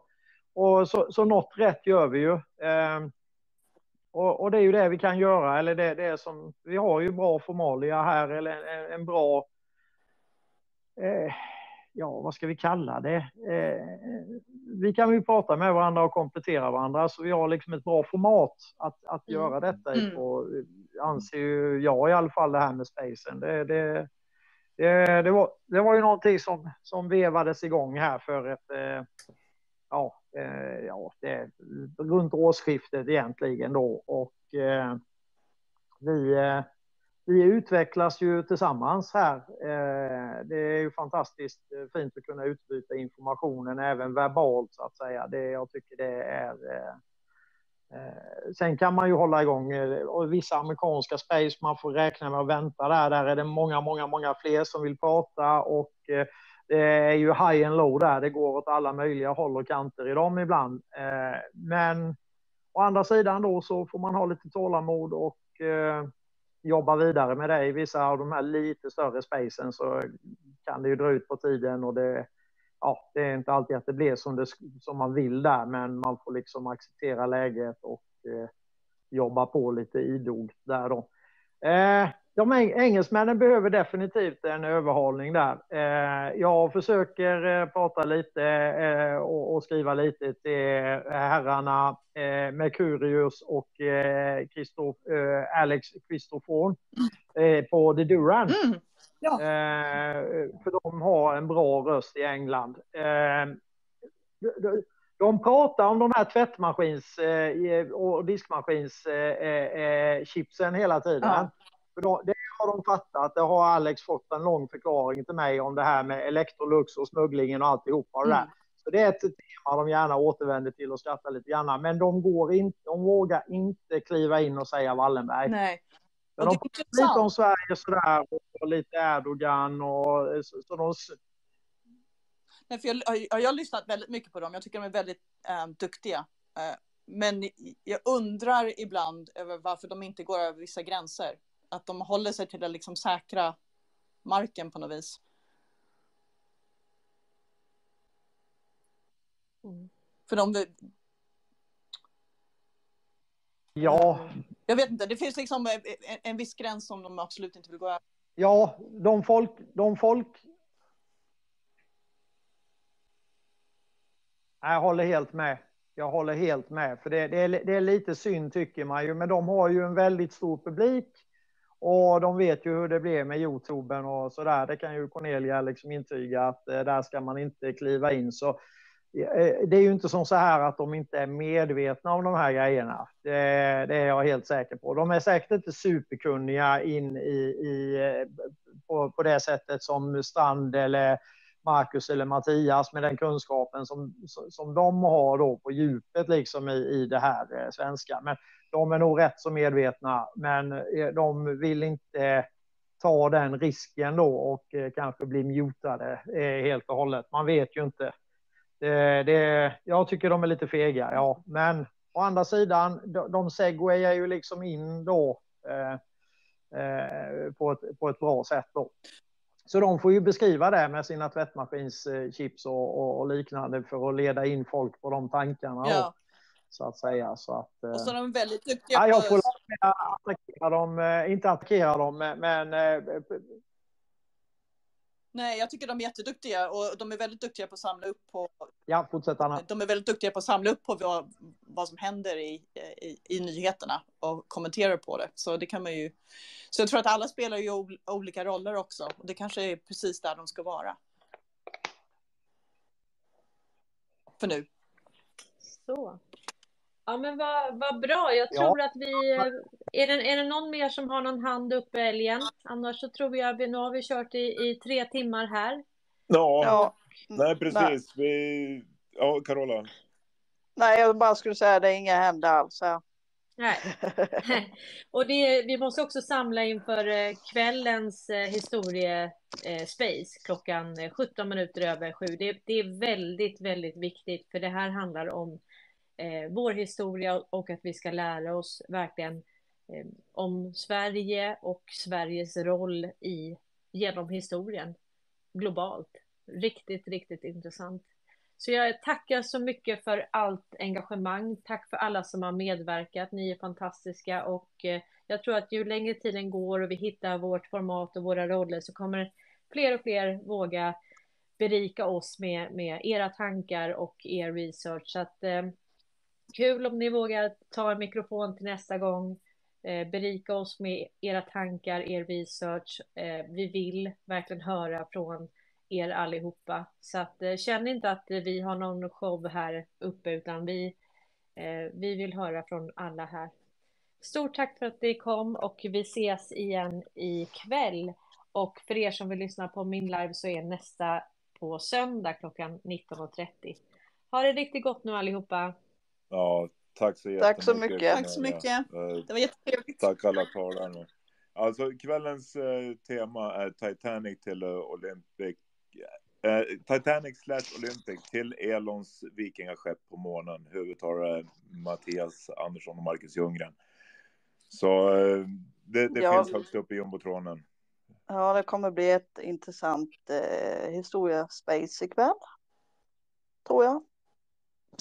Som alltid, som alltid. Ni är jättevälkomna. Vi tackar alla åhörare, alla talare, Anna, Cornelia, eh, Strand, Mott, allihopa. Eh, utan alla så vore det ytterst mycket, väldigt tråkigare i världen för alla. Så tack alla på återhörande. Eh, tack så hjärtligt